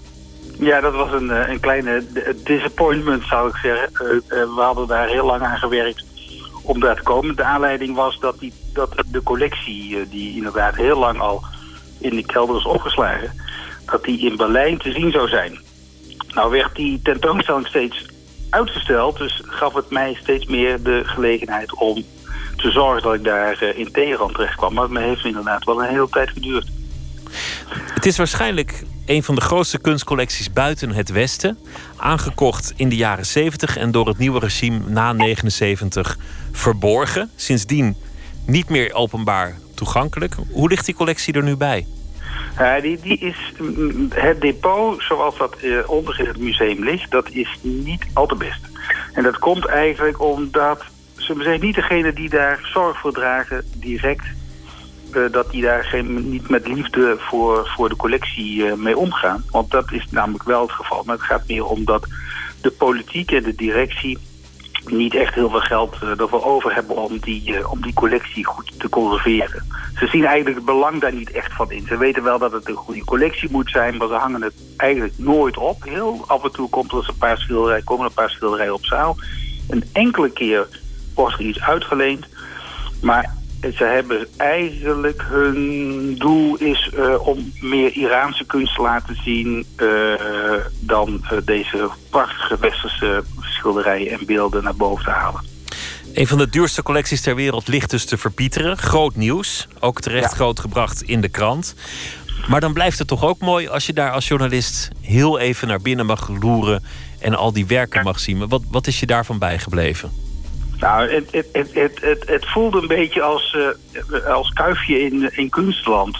Dat je als journalist uh, na lange zoektocht uh, een, soort schatkamer binnenkomt. Zoals waarschijnlijk Howard Carter, uh, Tutankhamon schatkamer is binnengekomen. Nou is deze wel iets minder dan Tutankhamon. Maar dezelfde verwondering over... Het staat er eigenlijk allemaal toch slecht bij... Maar de werken die er staan, zo'n beetje achterloos in de hoek... De, de rekken met schilderijen, dat is werkelijk een, een schat om van te smullen. Het, het was jammer dat we gewoon... Uh, omdat zij zich een beetje schaamde voor de manier waarop het daar allemaal was opgesteld. Dat ze ons zo weinig tijd hebben gegund om daar echt goed naar te kijken. Want het, de eerste die, er, die, die al niet binnen mocht was de fotograaf. Dus ik heb zelf foto's gemaakt met mijn iPhone... Uh, maar uh, er zijn geen grote overzichtsfoto's gemaakt, dat, dat mocht niet. Um, maar we zagen wel, zeker de laatste, het laatste depot, want er, waren drie depots die we hebben bezocht. En het laatste depot was het depot waar we eigenlijk voor kwamen met de grote schilderijen voor Rothko en, en Pollock. En het drieluik van Francis Bacon. En daar hebben we er een paar van mogen zien, omdat dat, dat zegt wel iets over de aard van het depot. Er was net een overstroming geweest. En alle rekken stonden uitgetrokken om ergens in de hoek de, de, het depot te laten opdrogen. Dat is wel iets om van wakker te liggen. Zulke bijzondere werken en dan af en toe een overstroming en uh, alles achter slot en grendel. En niemand die erbij komt en dan ook nog in, in moeilijke omstandigheden. Ja, het is eigenlijk, als je, als je het wat groter bekijkt... Het, het, kijk, het mooie is natuurlijk dat... Uh, het is een collectie die als, als een politiek gevangene in een, in een kelder is opgesloten. Het is natuurlijk een collectie die ooit is aangekocht door Farah Diba, de vrouw van de Shah van Perzië. Uh, en daardoor eigenlijk ook daarna, na de revolutie in 1979, besmet is geraakt. Niet zozeer omdat het misschien heel erg Amerikaans was, ook dat. Maar vooral omdat het aangekocht was met oliegeld van de Shah wat eigenlijk natuurlijk meer voor de bevolking was uh, bestemd dan, dan voor een kleine elite. En, en, ze hebben, en het is ook een collectie die een beetje liberaal is, met een paar naakten erin. Dus dat kan eigenlijk in dit theocratische regime wat er nu is, dat kan eigenlijk niet uh, getoond worden. Dus het is, het is eigenlijk daardoor onder in de kelder gekomen en uh, uit de handen van het ene regime overgegaan in de handen van een andere regime. Um, en daardoor is het dus nooit getoond, omdat het gewoon een besmet verleden heeft. Meer om politieke redenen. Het is te hopen dat het alsnog zal lukken met uh, een museum in Berlijn of elders om het uh, te tonen. Mooi dat je het hebt kunnen zien en een uh, goed verhaal. Rutger Ponsen, dankjewel. Dankjewel. Graag en een goede nacht. Nooit meer slapen. Nightcry, een nieuw project van de Amerikaanse zanger Smoota en van het producersduo Nelson en Josa. We gaan luisteren naar Little Annie.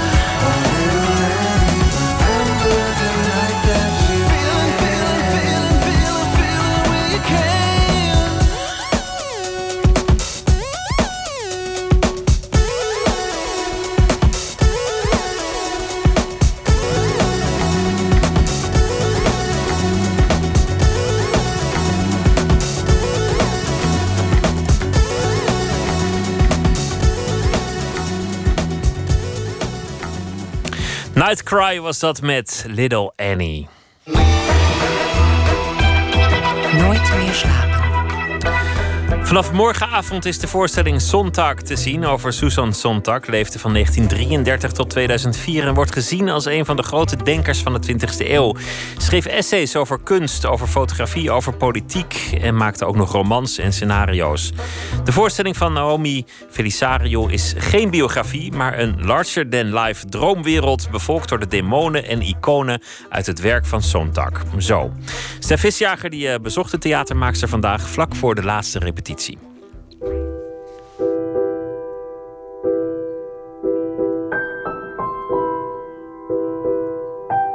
Het is woensdagmiddag, de laatste repetitiedag voor theatermaakster Naomi Felisariou. We zitten verstopt bij de kassa's van Frascati, want de rest van het gebouw is te koud. Naomi houdt haar jas aan. Ze is een frêle jonge vrouw met Griekse trekken, een schoonheid. Ze plukt aan haar jas, aan haar haar en aarzelt bij antwoorden. Hoe moet ik het zeggen? Wacht, mag, mag die microfoon heel even uit? Want ik Ze wil alles goed zeggen. En dat is moeilijk als je het hebt over Susan Sontag. Want Sontag is de filosoof die weigerde haar verhaal in een one-liner te verpakken. Dan zei ze maar liever niks. What is your hope for uh, left-wing politics? I can't tell you. I cannot answer such a question. I don't have sound bites. I'm sorry. I just don't. Make it as long as. No, no, no, no, no, but I don't know how to. I don't think that way. I mean, you've got to get somebody smarter on your program. I don't think that way. I haven't the faintest idea. I'd have to go off in a corner and think for three days before I could answer such a question. I don't have answers like that in the tip of my tongue. In het filmpje op YouTube zie je Sontag steeds ongelukkiger gaan kijken tijdens het interview. Ze neemt een afwerende houding aan en geeft geen antwoorden op de vragen. Ze voelt zich erin geluisterd. Ze dacht dat ze kwam om over haar nieuwe boek te praten, maar de interviewer stelt haar vragen over heel andere zaken. En dat dwarsen, dat niet bereid zijn om te pleasen, nee te durven zeggen, dat bewondert Naomi aan Sontag. Ze maakte een bewerking van dit interview met Sontag die ze gebruikt als trailer voor haar voorstelling. Simone van Saarloos is de interviewer. Ik heb geen idee. Ik, ik, ik zou op de hoek van de straat moeten gaan staan en, en, en drie dagen moeten nadenken alvorens ik een antwoord kan bedenken op zo'n vraag. Hebben andere mensen, mensen die jij interviewt, hebben die echt antwoorden op dat soort vragen? Nou, um, ja, sommigen wel, sommigen niet. Wauw. Ik ben aan heel veel interviews geweest. Ik heb nooit dit soort vragen gekregen. Ik denk dat ik gewoon had verwacht dat Naomi Felicariou overal wel een antwoord op had. Sorry, dan, dan heb je verkeerd gedacht. Dan, ik denk dat je iemand slimmer had moeten, moeten interviewen dan. Goed, de nieuwe voorstelling. Die gaat in uh, januari in première. Ja, 7 januari, ja. En die heet Sontag. Ja. Kan je ons even kort vertellen waar de voorstelling over gaat? Niet korter, nee, dat kan niet. Nee. De voorstelling duurt anderhalf uur, dus ik heb een anderhalf uur nodig om te vertellen wat ik wil vertellen. Dat kan ik niet kort. Naomi leerde het werk van Susan Sontag kennen op de toneelschool en ze vond haar essays belangwekkend. Maar haar interesse werd echt gewekt toen ze het Zontags dagboeken las en ontdekte wat voor een stormachtige persoonlijkheid er achter deze beroemde denker schuilging. Nou ja, wat je ziet in, in de voorstelling en wat ons ook heel erg fascineerde bij haar, is juist dat dat denkerschap steeds voortkomt vanuit dat, dat, dat hele rijke leven wat ze leidt. Of zo. Van, van de, een, een, vanuit een soort gevoel, vanuit een, een diepe pijn vaak, of, vanuit een onvermogen. Dus haar, haar leven en werk zijn constant met elkaar in verbindenis. En zij zelf is ook geen in, in die zin niet puur een denker, maar ook een, een gevoelsmens. Nee, dat klinkt heel slecht, gevoelsmens. Ik moet het, ik moet het even goed verwoorden. Je ziet gewoon iemand die heel de tijd dingen ervaart en probeert om die ervaring te begrijpen en daardoor te rationaliseren. En dat wordt dan filosofie, maar het komt altijd voort uit een gevoel. En het interessante is dat al die interessante theorieën haar geen stap verder helpen in haar gevoelsleven. Het blijft een chaos. Nou ja, het is wel een heel gestructureerde chaos. In die zin is het wel. Het is gevaarlijk om dan van die diagnoses te stellen, maar het heeft iets heel neurotisch, omdat je. Het is een, een, een dwangmatige orde, omdat er van binnen zoveel aan de hand is.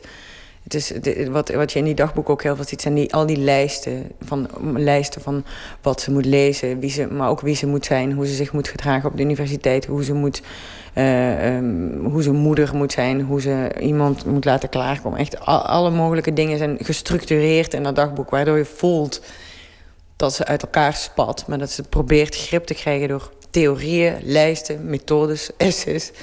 En, en het werkt niet. Ja, wat, ja ze is, enerzijds is zij zo de eerste celebrity thinker of zo. Nu zijn we dat meer gewend dat dat ook televisiefiguren zijn of publieke figuren. En dat ze zo. Dat is niet wat haar tot een intelligente denker maakt, maar dat is inderdaad wel opvallend. Dat is iemand die met, met fancy zonnebrillen en die chillt met Andy Warhol en dat soort dingen. Dat was toen nog behoorlijk. Ja, dat op televisie ook. Dat, dat, was, dat is best wel indrukwekkend. Wat Naomi zo bijzonder vindt aan Sontag is haar kunst van het falen. Toegeven dat je iets niet weet of niet kunt. Falen zonder hashtags en smileys. Zonder, nou, de volgende keer gewoon beter. Of dan ga je toch iets anders doen. Nou, ik bedoel dat ze enerzijds een, een hele hedendaagse manier heeft van omgaan met haar ambities. Met, met dat, dat ze allemaal balletjes probeert hoog te houden. Dat ze en een goede moeder wilt zijn en een goede schrijfster. En en, en, dat is, en dat is heel herkenbaar voor deze tijd. Maar zij bepaalt zelf die, die, die maatstaf. En het is nooit genoeg. Alles wat haar lukt, degradeert ze tot iets, tot iets futiels. En voorbeelden? Ze, ze, neemt, ze wil heel graag naar de universiteit. Als ze het begint te maken in de academische wereld... neemt ze afstand van de academische wereld. Schrijft ze die essays. Als die essays bejubeld worden als de waarheid... dan vindt zij ze weer gedateerd. En dan wil ze romancier worden als ze romancier is en ze krijgt niet de eer die ze... Dan wordt ze weer scenarist. Dus ze, als ze ziek is, als ze kanker krijgt... dat ziet ze als... Dat is falen, want dat... dat ze wil gewoon niet sterven. Want dat is, dat is, dat, dat is het alle, dat is het grootste falen ooit. Dus gaat ze gewoon alle mogelijke um, vooruitstrevende medicatie uh, uitproberen. Gaat ze in overleg met artsen, gaat ze een boek schrijven zelf daarover. Gaat ze hele nieuwe vooruitstrevende behandelingsmethodes proberen. Snap je? Ze gaat steeds, doordat iets haar raakt of haar kwetst... of dat ze zichzelf teleurstelt in iets... gaat ze heel ver in de volgende stap die ze zet. Als kunstenaar of als mens of als schrijver of als... Toch, ik snap iets niet, want voor de rest van de wereld faalde ze niet. Ze was een uitermate succesvolle schrijver, denker. Uh, die chillde met Warhol en allemaal uh, in, in de jetset van New York vertoefde. Maar, maar wat is falen anders dan, dan dat je het gevoel hebt dat je gefaald hebt? Ik weet niet wat falen anders is. Er zijn toch geen maatstaven voor succes? Of je hebt het gevoel dat je succesvol bent of je hebt het niet. En dan maakt het eigenlijk bijna niet uit of je succesvol bent of niet. Het hangt er maar af van wat je zelf wil bereiken. Dat vond ik een ontdekking bij haar. Omdat ik begon vanuit een bewondering van... ik dacht, deze vrouw kon alles. Want zo kende ik haar. En, toen, en hoe meer ik de achterkant van, van, van het verhaal daarvan leerde... hoe meer ik over Susan Sontag te weten kwam... dacht ik, oh, en ze heeft het gevoel dat ze daar niks mee gedaan heeft. Niet niks, dat is gechargeerd. Maar ze, had wel echt tot het einde het gevoel dat ze zich niet met de belangrijke dingen had bezig gehouden. En gewoon niet ver genoeg was gegaan. En niet succesvol in de zin van succes hebben, maar gewoon tot wezenlijke gedachten komen. Over de juiste dingen hebben nagedacht. Dat als succesvol. Snap je? Dus enerzijds heb je ook het winnen van de Nobelprijs voor de literatuur... of het, of het chillen met Andy Warhol. Maar, maar maar het gaat over, over, een, over een, een niveau van denken bereiken... waarmee je echt iets kan bijdragen aan de wereld. Daarvoor moet je een behoorlijk groot ego hebben... om te denken dat jij echt daadwerkelijk iets kan denken en kan schrijven... en dat je dus ook een verantwoordelijkheid hebt om dat aan de wereld te geven. En dat als je dat niet lukt, dat je dan gefaald bent. En dat vraag ik me sterk af of ze het gevoel heeft dat ze dat daadwerkelijk heeft kunnen doen. En dan moet Naomi naar haar laatste repetitie. We gaan heel even dat stukje doen vanaf uh, um, Bart die zegt van... Uh, kan je je inbox even checken? Ik heb je mijn roman gemaild. Even dat stuk. Ja. Ik wil even de, de downfall van Bart. En de... de acteurs zitten al te wachten. En vragen of ze vannacht wel goed geslapen heeft. Heel kort. Waarom? Lang. Ik heb lang nagedacht. Ja, ik kan, ik kan nu niet loslaten ben, ik, ben, ik, ben, ik ben te enthousiast om te slapen. Dat is reclame, zeg.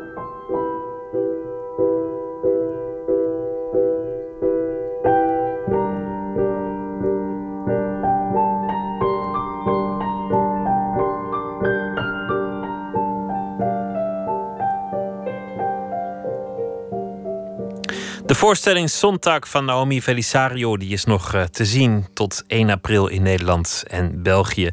En uh, begint aanstaande donderdag in Amsterdam. Een bijdrage van Stef Visjager was dat. De Amerikaanse muzikant Matthew E. White werkte al samen met Flo Morrissey. Ze hebben nu als duo een plaat uitgebracht. Hij heeft uh, ook nummers gedaan van andere artiesten, maar ook van minder bekende artiesten, zoals Little Wings. En dat gaan we nu luisteren. Look at what the light did now.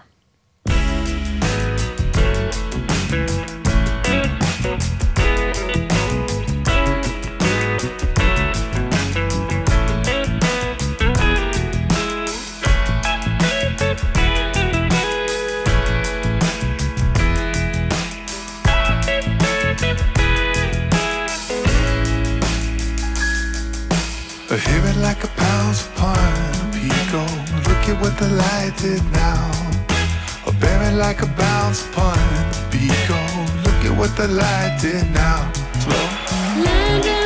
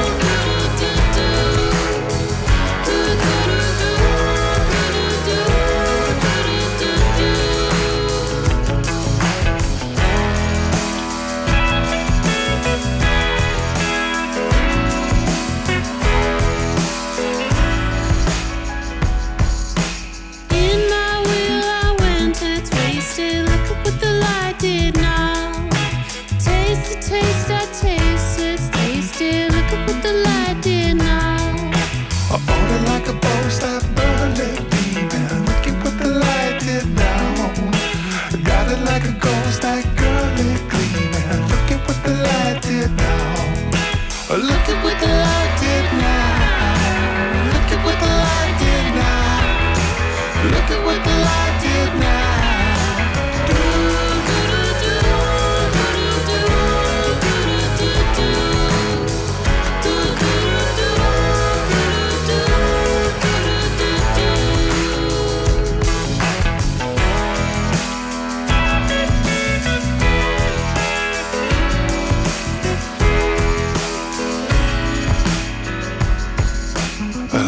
dead tree that's dry and leaving.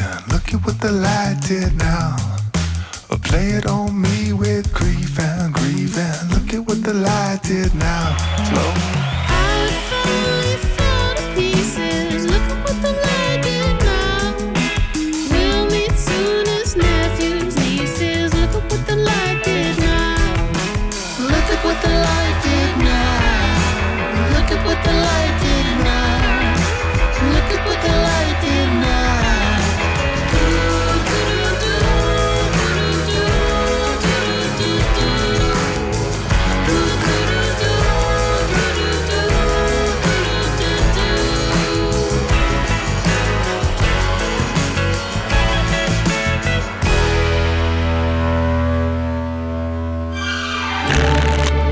Open kaart.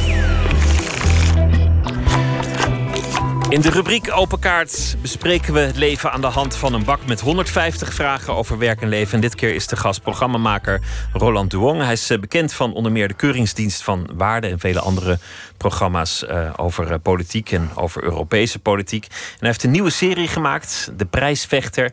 En dat gaat over onze kooplust en de oorzaken en gevolgen daarvan. Hartelijk welkom. Ja, hallo.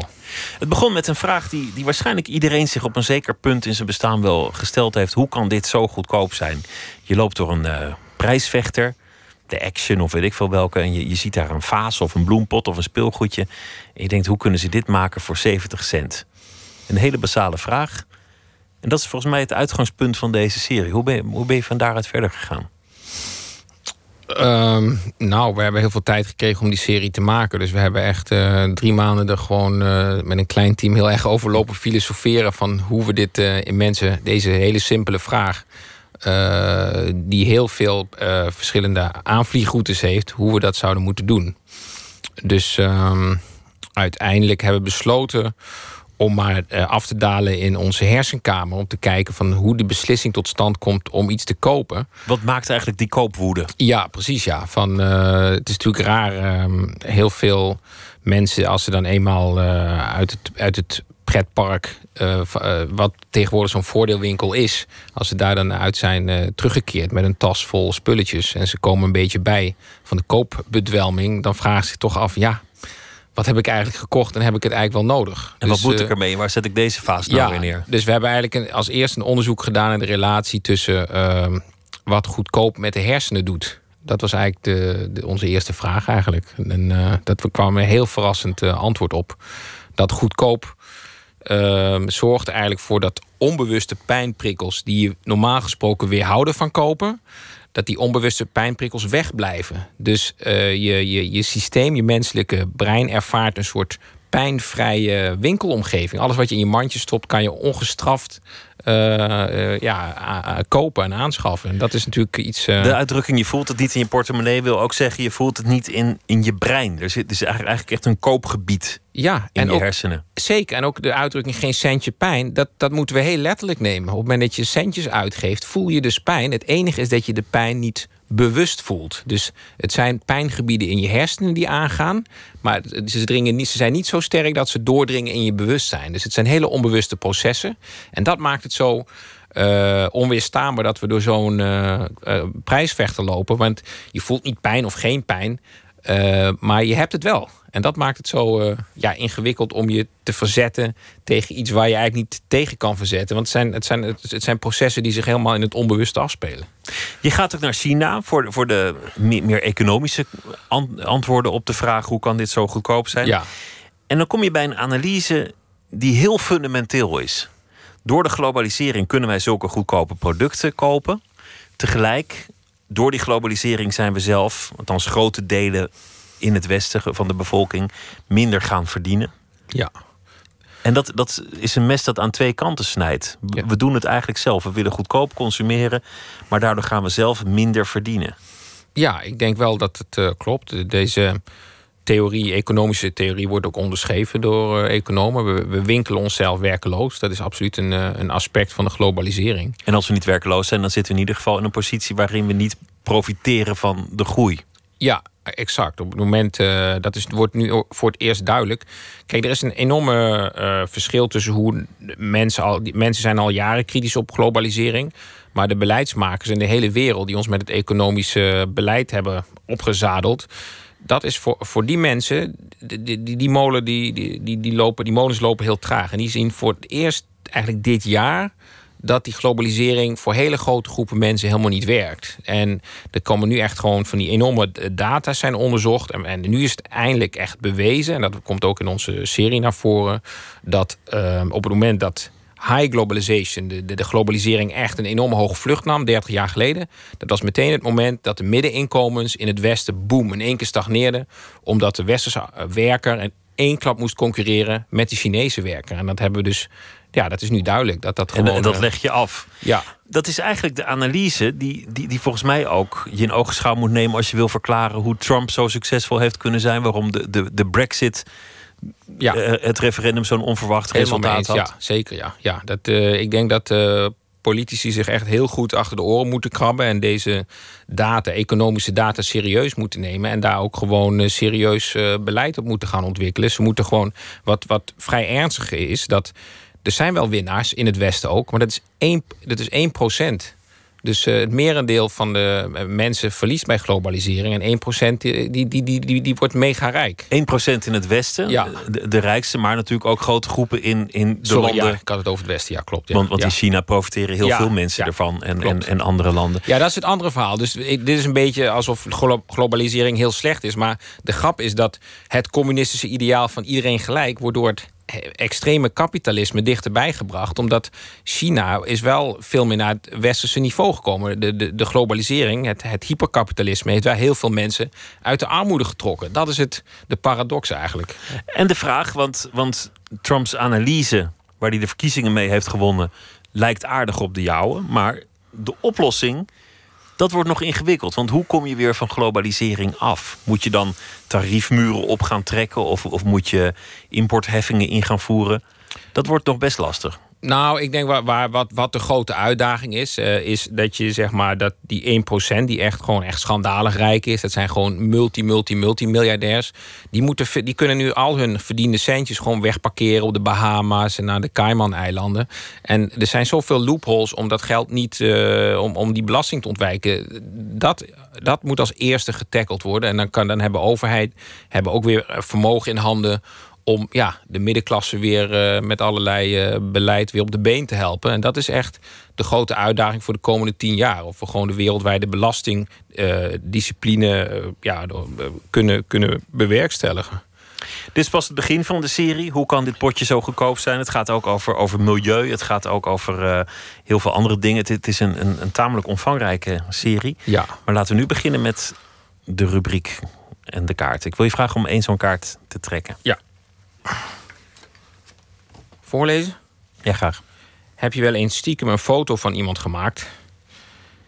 Ehm, ja, ik eh, heb een dochter eh, van zeven. En als die gewoon eh, aan het spelen is of zo, dan, dan maak ik daar ook gewoon wel kietjes van. Gewoon om haar gewoon zo onschuldig mogelijk en niet geposeerd ja, te kunnen fotograferen. Maar is dat een antwoord op de vraag? Of is dat, wordt Nou, misschien een vraag die, er, die erop lijkt. Hebben jullie stiekem moeten filmen? Jij, jij gaat bijvoorbeeld in China kijken in zo'n fabriek waar ze, waar ze Lego namaken. En daar doe je je voor als een, een inkoper uit het Westen. Ja. Van de firma Troep. Wat ik geestig gevonden vond. Film je dan stiekem of, of hoe pak je dat aan? Nee, eh, die Chinezen die zijn zo onschuldig. Als je zegt, ja, ik ben een inkoper en dit is mijn- ploeg die gewoon mijn inkoopperikelen aan het filmen is, dan zeggen ze allemaal braaf, nou prima, eh, kom maar filmen. En dan kan je gewoon alles filmen. Dus eh, ja, dat is dan wel ja, een beetje gemeen, omdat je het gewoon met een leugentje eh, eh, sluip je zo'n fabriek in. En, maar vervolgens mag je alles gewoon in het open filmen en doen. Dus, eh, En als je zou zeggen, ik, eh, ik kom van televisie, zou je er niet eens in komen waarschijnlijk. het is heel moeilijk om als journalist een visum te krijgen om te filmen in China. En dan krijg je ook een, een, een, een- iemand mee die je de hele tijd controleert en zo. Het duurt heel lang en eh, daar hadden we allemaal geen zin in. Dus ik ben gewoon als op een, op een zakenvisum. en ja, gewoon ben ik, heb ik ja, een beetje undercover heb ik daar geopereerd. Helpt het dat je, dat je half Chinees bent? Dat je de cultuur kent? Mm, nou, ik denk dat de Chinezen voor elke handelaar wel openstaan. Maar ik had wel een klik met die Chinezen, ja. Ik eh, kon het goed met ze vinden, ja. Dus ja, misschien scheelt dat wel. Ja. Je deed het interview in, in het Engels, maar, maar spreek jij enigerlei Chinees? Nee, helemaal niet. Nee. nee. Poegwe, poegwe. kan niet, kan niet. Trek nog een kaart Ja. als je wil. Is er iets dat niemand van je weet? Nee. Ik heb voor, ja, mijn, eh, voor voor mijn vrouw heb ik eh, geen geheimen. Maar voor de wereld toch wel, mag ik hopen? Ja, natuurlijk. Maar er is iets dat. Ik, ik bedacht dat deze vraag impliceerde dat. Niemand het van je weet. Ja, precies, ja. ja, ja. Nee, ik deel wel alles met haar. Trek nog een kaart als Ja. je wil. Wat is je mooiste tekortkoming?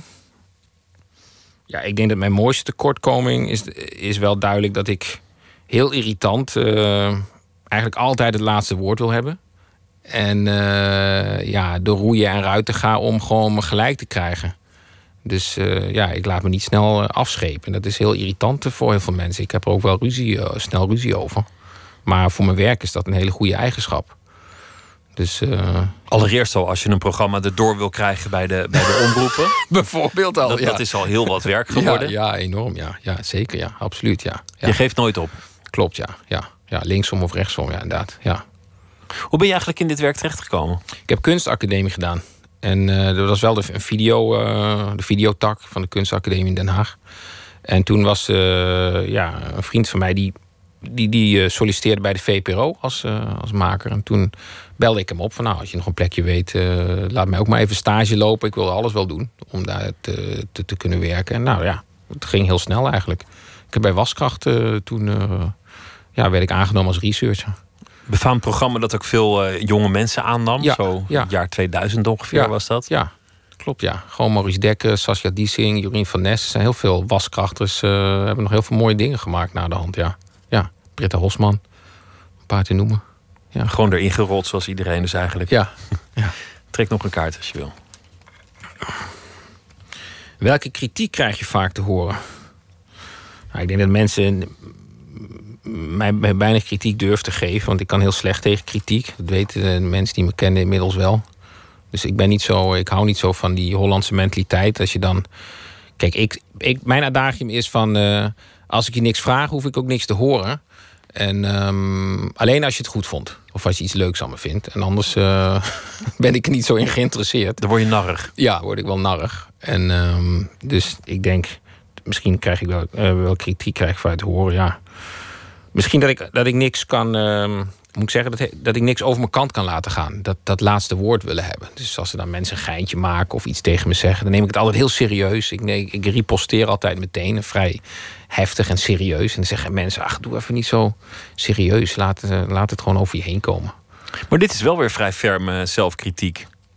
Wat je nu zegt. Dit? Dat je niet tegen kritiek kan en dat je dat zo, zo ruiterlijk toegeeft. Ja, maar dat, is, dat kan toch of niet? Of, eh, dat, is Ja, toch ja. Geen, dat is toch geen tegenspraak met, met elkaar? Dat je gewoon weet wat je tekortkomingen zijn? Of, eh, Dus, dus je weet het zelf wel en een ander die hoeft het niet te zeggen. Daar komt het eigenlijk ook op neer. Ja, dat. eh, nou ja, ik ben gewoon heel koppig. Dus dan, ik heb gewoon mijn eigen proces in mijn hoofd. En ik weet. Eh, mijn eigen ritme is heel belangrijk om tot dingen te komen. En dat ik, ja, eh, dat, dat, ik sta heel in goed contact met dat ritme. En ik, ik weet dus als ik dan ergens verstoord word, dat dat fataal kan zijn voor hoe mijn dag, eh, mijn werkdag eruit gaat zien. En dan probeer ik met, met alle macht te voorkomen dat ik, zodat ik in mijn ritme kan blijven. Dus zo moet je het een beetje zien, denk ik. Ja. Dat snap je wel, toch? Ja, nee, dat begrijp Ja, ik heel ja, goed. ja, ja, zeker, ja. Ja. Ja. Komt vaker voor. Ja, zeker. Ja, ja. Wat moet iemand van je weten om je echt te kennen? Ehm, ik denk dat eh, om me echt te kennen, denk ik dat je moet weten dat ik wel een heel loyale persoon ben. Dus eh, ja, ik, ik, was, ik ben net heel kritisch naar mezelf geweest. Maar ja, dat, op het moment dat je daar doorheen kan breken en eh, dat je gewoon ja, mezelf, een beetje geduld met me hebt, dan, dan zal je ook wel. Ja, dan, dan, dan zullen mensen te weten komen dat ik wel een heel loyaal persoon eh, kan zijn. Die vriendschap en relaties wel echt eh, er heel, heel veel waarde aan hecht. Dus ja. Is verontwaardiging een grote drijfveer voor jou? Want, Ja, want absoluut, De, de ja. Keuringsdienst van Waarde ging daar voor een deel over. Dit programma gaat er eigenlijk ook over. Ja, enorm ja. Het is echt een hele grote drijfveer. Dat je gewoon, je wordt gewoon dag in dag uit geconfronteerd met allerlei dingen in de media. En het is zo verschrikkelijk om ja, als puur als mediaconsument het allemaal maar over je heen te moeten laten gaan. En dat je verder helemaal niks terug mag zeggen. En dus, dat is, eh, dus ik mag wel wat terugzeggen met mijn programma's. En dat vind ik echt wel een soort zuurstof. Dat, dat houdt me wel gebalanceerd. Om niet machteloos of zuur te hoeven worden. Ja, absoluut ja. Ja, zeker. Ja. Welk programma zou, zou je nog absoluut een keer willen maken? Want, want, want je bent via voedsel echt naar de politiek gegaan. Je hebt de, de, de, de Brusselse bureaucratie een reeks over gemaakt. Eh, Nederlandse bureaucratie hebben jullie gedaan. Nu de economie en, en de industrie. Nou, wat ik echt, ehm, dat vind ik wel echt een, een shock eigenlijk. Ik ben ook gewoon eh, oud archiefmateriaal eh, voor deze serie door aan het gaan. En dan zie ik bijvoorbeeld eh, de rellen in Seattle, de antiglobaliseringsrellen. En ehm, nu zie ik Trump, die dan president van Amerika is geworden, door een, ja, je zou kunnen zeggen, een vrij conservatieve groep kiezers. Terwijl twintig jaar geleden eh, wa- was het langharige tuig, om het maar even zo te zeggen. Die, die, die, die streed eigenlijk voor dezelfde dingen waar nu de conservatieven in Amerika ook voor strijden. zeg maar. Met, met een andere toon en een andere oplossing. ja, maar maar wel met een, hetzelfde afkeer en dezelfde roep tot verandering. En wat mij dus zo frappeert. En dat, ja, ik vind het er bijna zo heftig dat toch de polarisatie zo groot is in, in de samenleving. Terwijl gewoon die idealen eigenlijk heel erg, echt heel erg op elkaar lijken. En dat vind ik wel iets. eh, daar zou ik heel graag een programma over willen- maken. Van hoe kan het zo zijn dat we zo uit elkaar gespeeld worden? Dat vind ik toch eh, iets, eh, ja, vind ik heel urgent. En eh, ja, dat zou, ik, ik heb daar verder geen plannen voor liggen. Maar dat is wel iets wat, wat de laatste weken of maanden eigenlijk wel in mijn hoofd zit. dat ze het uiteindelijk over hetzelfde hebben en dat de uitersten elkaar toch raken. Ja, maar het lijkt net of in het gekrakeel mensen niet meer doorhebben dat ze het over hetzelfde hebben. Dat vind ik zo raar. Dat in de retoriek lijkt of mensen gewoon echt mijlenver van elkaar afstaan. Terwijl als je ziet waar ze het over hebben, hebben ze het vaak over dezelfde dingen. Dat is vaak bij een, bij een huwelijkse ruzie ook, toch? Dat, dat, dat man en vrouw schreeuwen en eigenlijk hetzelfde roepen. Ja, ja, ja, maar goed, die willen elkaar dan toch nog wel vasthouden. Terwijl nu eh, gaan mensen echt steeds meer in gescheiden werelden leven. Dat hoeft denk ik niet zo te zijn. Daar lijkt het, eh, daar lijkt het inderdaad wel op. Dankjewel, uh, Roland Duong. En ik noem nog eventjes eh, de serie De Prijsvechter... vanaf zondag te zien bij de VPRO om vijf over negen op NPO 2. Dankjewel. Ja, dankjewel. Het was een paar jaar eh, stil rond Fleet Foxes, de Amerikaanse band. Het laatste album is alweer eh, zes jaar geleden verschenen. Maar er komt een nieuwe plaat aan. Dat is eh, de heugelijke mededeling. En dus gaan we de honger nog maar even sti- stillen met een oude track. Tiger Mountain Passage Song.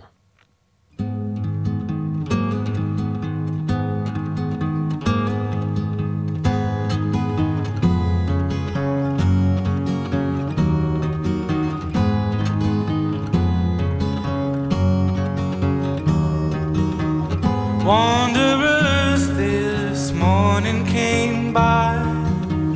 Where do they go? Graceful in the morning light. To Banner Fair. To follow you softly in the cold mountain air. Through the forest down to your grave. Where tall grass is waved. They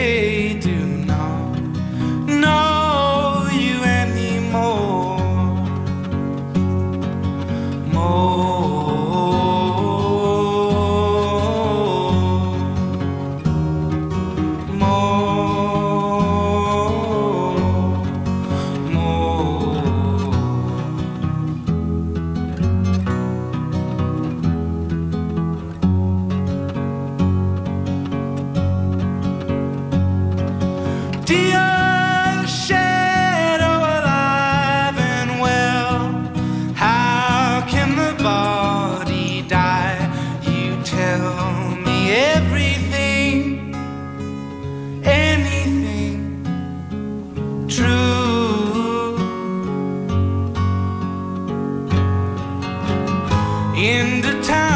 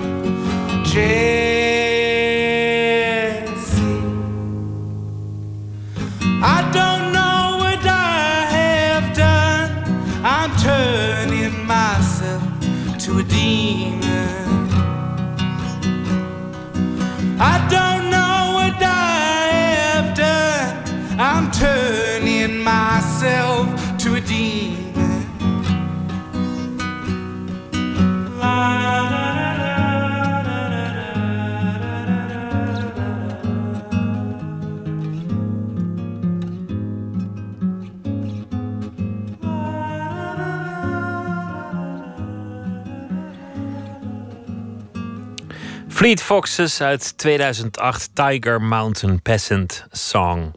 De reeks heette 1 minuut, een serie wonderlijke verhalen in slechts 60 seconden. De editie van eh, deze nacht is gemaakt door Marije Schuurman-Hes en heet Anti-allergisch. Pst, 1 minuut. Het is antireumatisch, warmte-isolerend. De korrelvulling neemt de lichaamstemperatuur aan en reflecteert deze weer. Het is door de speciale vulling niet giftig, anti-allergisch en brandvertragend. Bovendien hygiënisch en makkelijk in onderhoud. En de afritsbare hoes kan in de machine gewassen worden op 40 graden. Het is verder licht in gewicht, flexibel van vorm Ook ideaal voor in de auto of de caravan. Verder is het een verfraaiing van uw interieur, mede door de los te bestellen hoezen passend bij uw smaak. Koel in de zomer, warm en behagelijk in de winter. Het hondenbed.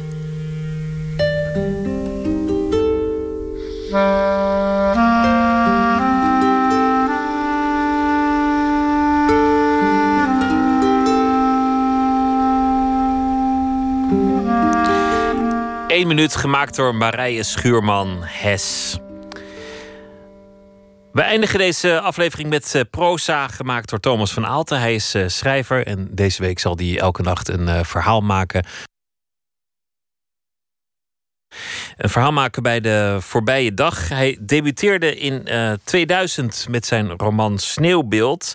En daarna verschenen meerdere boeken van zijn hand, onder meer eh, Henry. En dat is een roman over de tijdschriftenwereld in de hoogtijdagen. En hij is ook nog eh, docent aan de Hogeschool in Amsterdam. En hij doet nog heel veel andere dingen. En als het goed is, heb ik Thomas nu aan de telefoon. Thomas, goeienacht. Nee.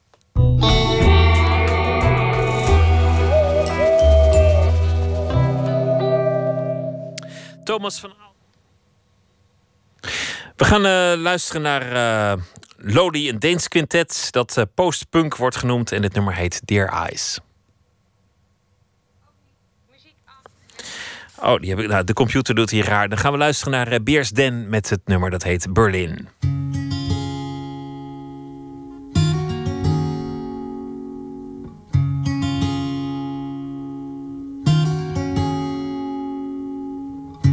Cold wind made your cheeks glow, shivering away under your coat. Berlin was all covered in snow. All I could offer was a hand to hold. So we made our way to the memorial. You traced your hand along the wall. When they put on the video, I felt your hand tighten in mine.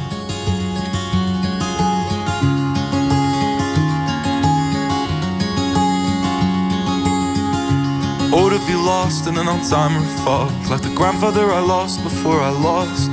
Erase the root, but spare the tree, and cut you out of my memory. Leave my world just black and white, snatch the sun out of the sky. For the only color in my life is the memory of you and I.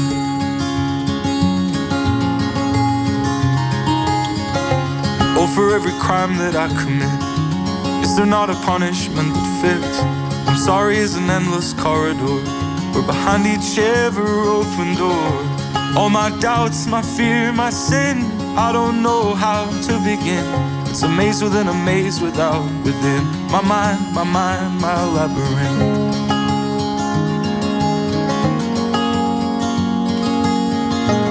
I can't forget you. I try all the time. I can't forget you. Berlin with your hand in mine.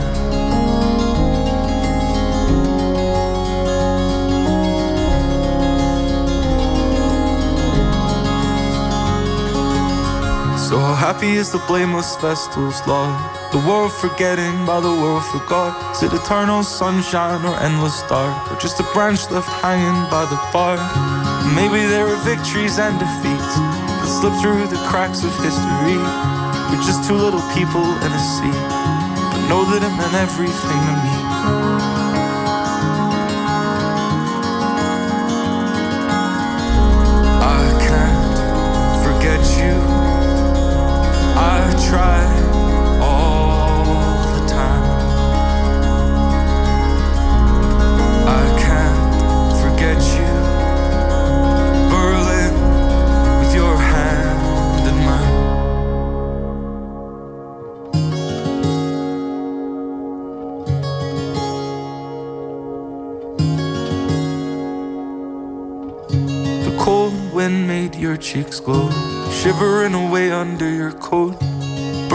Was all covered in snow. All I could offer was a hand to hold. So we made our way to the memorial. You traced your hand along the wall. When they put on the video, I felt your hand tighten in mine. You were always on my mind.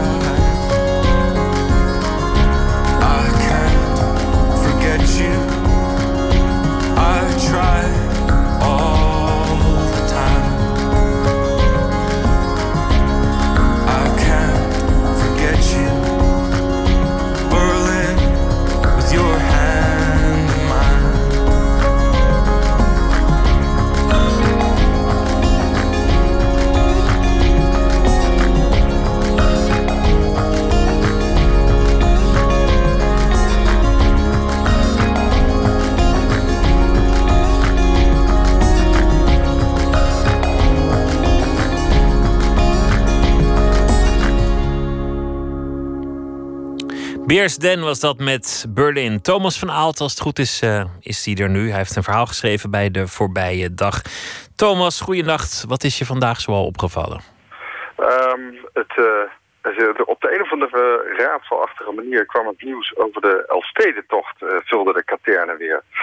En ehm, nou ja, daar wordt toch altijd wel natuurlijk enigszins melancholisch over gesproken. Heeft inmiddels ook mythische proporties aangenomen, die hele tocht. Ik weet niet wat jouw associatie eh, ermee is, maar Ja, Ever- kan- Evert van Bentum, denk ik dan meteen. ja. En, en ik zat te denken, de gemiddelde politicus in de Tweede Kamer... die heeft, net zoals jij en ik, maar drie Elfsteden toch bewust meegemaakt. Dat is van 85, 86 en 97. En eh, daardoor denken we volgens mij dat dat... eh, als- alsof er vroeger heel veel Elfstedentochten waren. Terwijl eh, die laatste van, ehm, of, de, of die eerste, 85... Nou, daarvoor vond eh, die, die hel van 63 plaats. Dus daar za- zaten ook, eh, nou ja, wat is het, eh 22 jaar tussen. Dus nou, dat vond ik wel een fascinerende eh, constatering. Dat we misschien wel denken, hè, dat we, die herinneringen zijn inmiddels zo groot. Terwijl ja, het zijn maar drie eh Elfstedentochtjes geweest. En eh, nog veel wranger ontdekte ik dat tijdens de Tweede Wereldoorlog zijn er ook drie Elfstedentochten gereden. Maar ja, dat eh, hebben we natuurlijk allemaal niet meer meegemaakt. Ja, dat is opmerkelijk. Maar het is natuurlijk ook wel zo dat het niet aannemelijk is dat het nog heel vaak gaat gebeuren als er iets waar is van de klimaatverandering en de, opwarming van de En- aarde. En daar, daar heb je een interessant punt. Want ehm, als het nou iets een, een, mooie traditie eh, is, hè, de Nederlandse traditie, dan is het de Elfstedentocht. Maar als je nu zou zeggen, ja, maar ja, hè, die dreigt te verdwijnen door de opwarming van de aarde. Ja, dan, vinden we dat toch wel ook wel weer lastig. Van, ja, maar ja, daar kunnen we dan weer niks aan doen. Terwijl ja, in theorie zouden we er wel wat aan kunnen doen. Maar uh, afijn, dat was mijn... ehm, ik vertrek het niet voor mijn verhaal, maar wel het gevoel van dat het iets is alsof het er altijd al geweest is. Terwijl, ja, eigenlijk was het er eh, altijd al eh Was het altijd al schaars. Ik ben benieuwd naar het verhaal. Ga je gang. de tocht van 74. Vader was gestorven toen hij onder een achteruitrijdende tractor werd vermorzeld. Het was kort na de Elfstedentocht van 63. Douwe was drie jaar oud. Douwe, varkensboer uit Stavoren, staat op zijn erf en kijkt naar de kringen in de sloot. De regen hamert op het oppervlak. Hoe lang is het nou geleden dat daar een laagje ijs op lag? Dat de velden grijzig van de rijp waren. Dat de kachel in de voorkamer kon loeien wat hij wilde, maar dat het maar niet warmer wilde worden. Ja, vroeger toen wilde het toch wel eens vriezen. Toen keek Ouwe meerdere keren naar de Elfstedentocht. Toen Willem Ruijs nog op televisie was, had visser Fred Oster. Hij kan er nog om lachen, ziet nog voor zich hoe de deelnemers onhandig rond de wakker manoeuvreren. Elk jaar zat Douwe voor de televisie als de Elfstedentocht werd georganiseerd. Maar het allermooist was zijn herinnering aan de tocht in 74. Een zaterdag, begin februari. Douwe was 14 jaar oud. Zijn vader had de varkens net naar het abattoir gebracht en moeder stond in de keuken. Zo jongen, zijn vader toen hij in de woonkamer stond. Een vage geur van varkens hing nog om hem heen. Douche deed vader later wel. Eerst gingen ze maar eens samen naar de Elfstedentocht kijken, terwijl moeder in de pan roerde. En hij hoort de stem van de sportverslaggever nog tijdens die strenge winter van 74. Kijk wat een souplesse, hoe die schaatsen zich door de tegenwind sterker lijken te maken. Het hoofd gebogen, toch opgeven, de genadeloze natuur, de daadkrachtige mens. Elk jaar zou Douwe naar de Elfstedentocht kijken. Over al die tochten die helemaal nooit hebben plaatsgevonden, maar toch altijd worden gemist. De Elfstedentocht van 1974. Denk je dat je het ooit nog eens zult meemaken, Thomas? Nou, volgens de statistieken, de, de laatste was eh, in, in, in 97, 22 jaar later, dan zou dat, eh, nou, eh, 2019 eh, in theorie kunnen. Ja, eh, waarom niet? Ach ja, waarom ook niet? Ik heb verder helemaal niks met schaatsen trouwens. Het kan me ook niet te veel schelen eigenlijk. Ik vind die klimaatopwarming vind ik een groter probleem, ja. Oh, ik vind, ik vind schaatsen wel leuk. Niet zozeer vanwege het schaatsen, maar het is een van de weinige gebieden waar het nog geaccepteerd is dat een eenling zich losmaakt van de massa en ongegeneerd probeert beter te zijn dan de rest. En dat in Nederland. Is toch mooi? Ja, zeker. Thomas, goeienacht. Goeienacht. Morgen in Nooit meer slapen komt illustrator Charlotte de Maton langs. Ze komt uit Frankrijk, maar werkt en woont al lange tijd in Nederland. En ze komt langs vanwege de illustraties die ze heeft gemaakt voor een nieuwe uitgave en nieuwe vertaling van Hector Malot's klassieker Alleen op de wereld. Dat eh, morgen in Nooit meer slapen. Wens ik u nu een hele goede nacht en graag weer tot dan.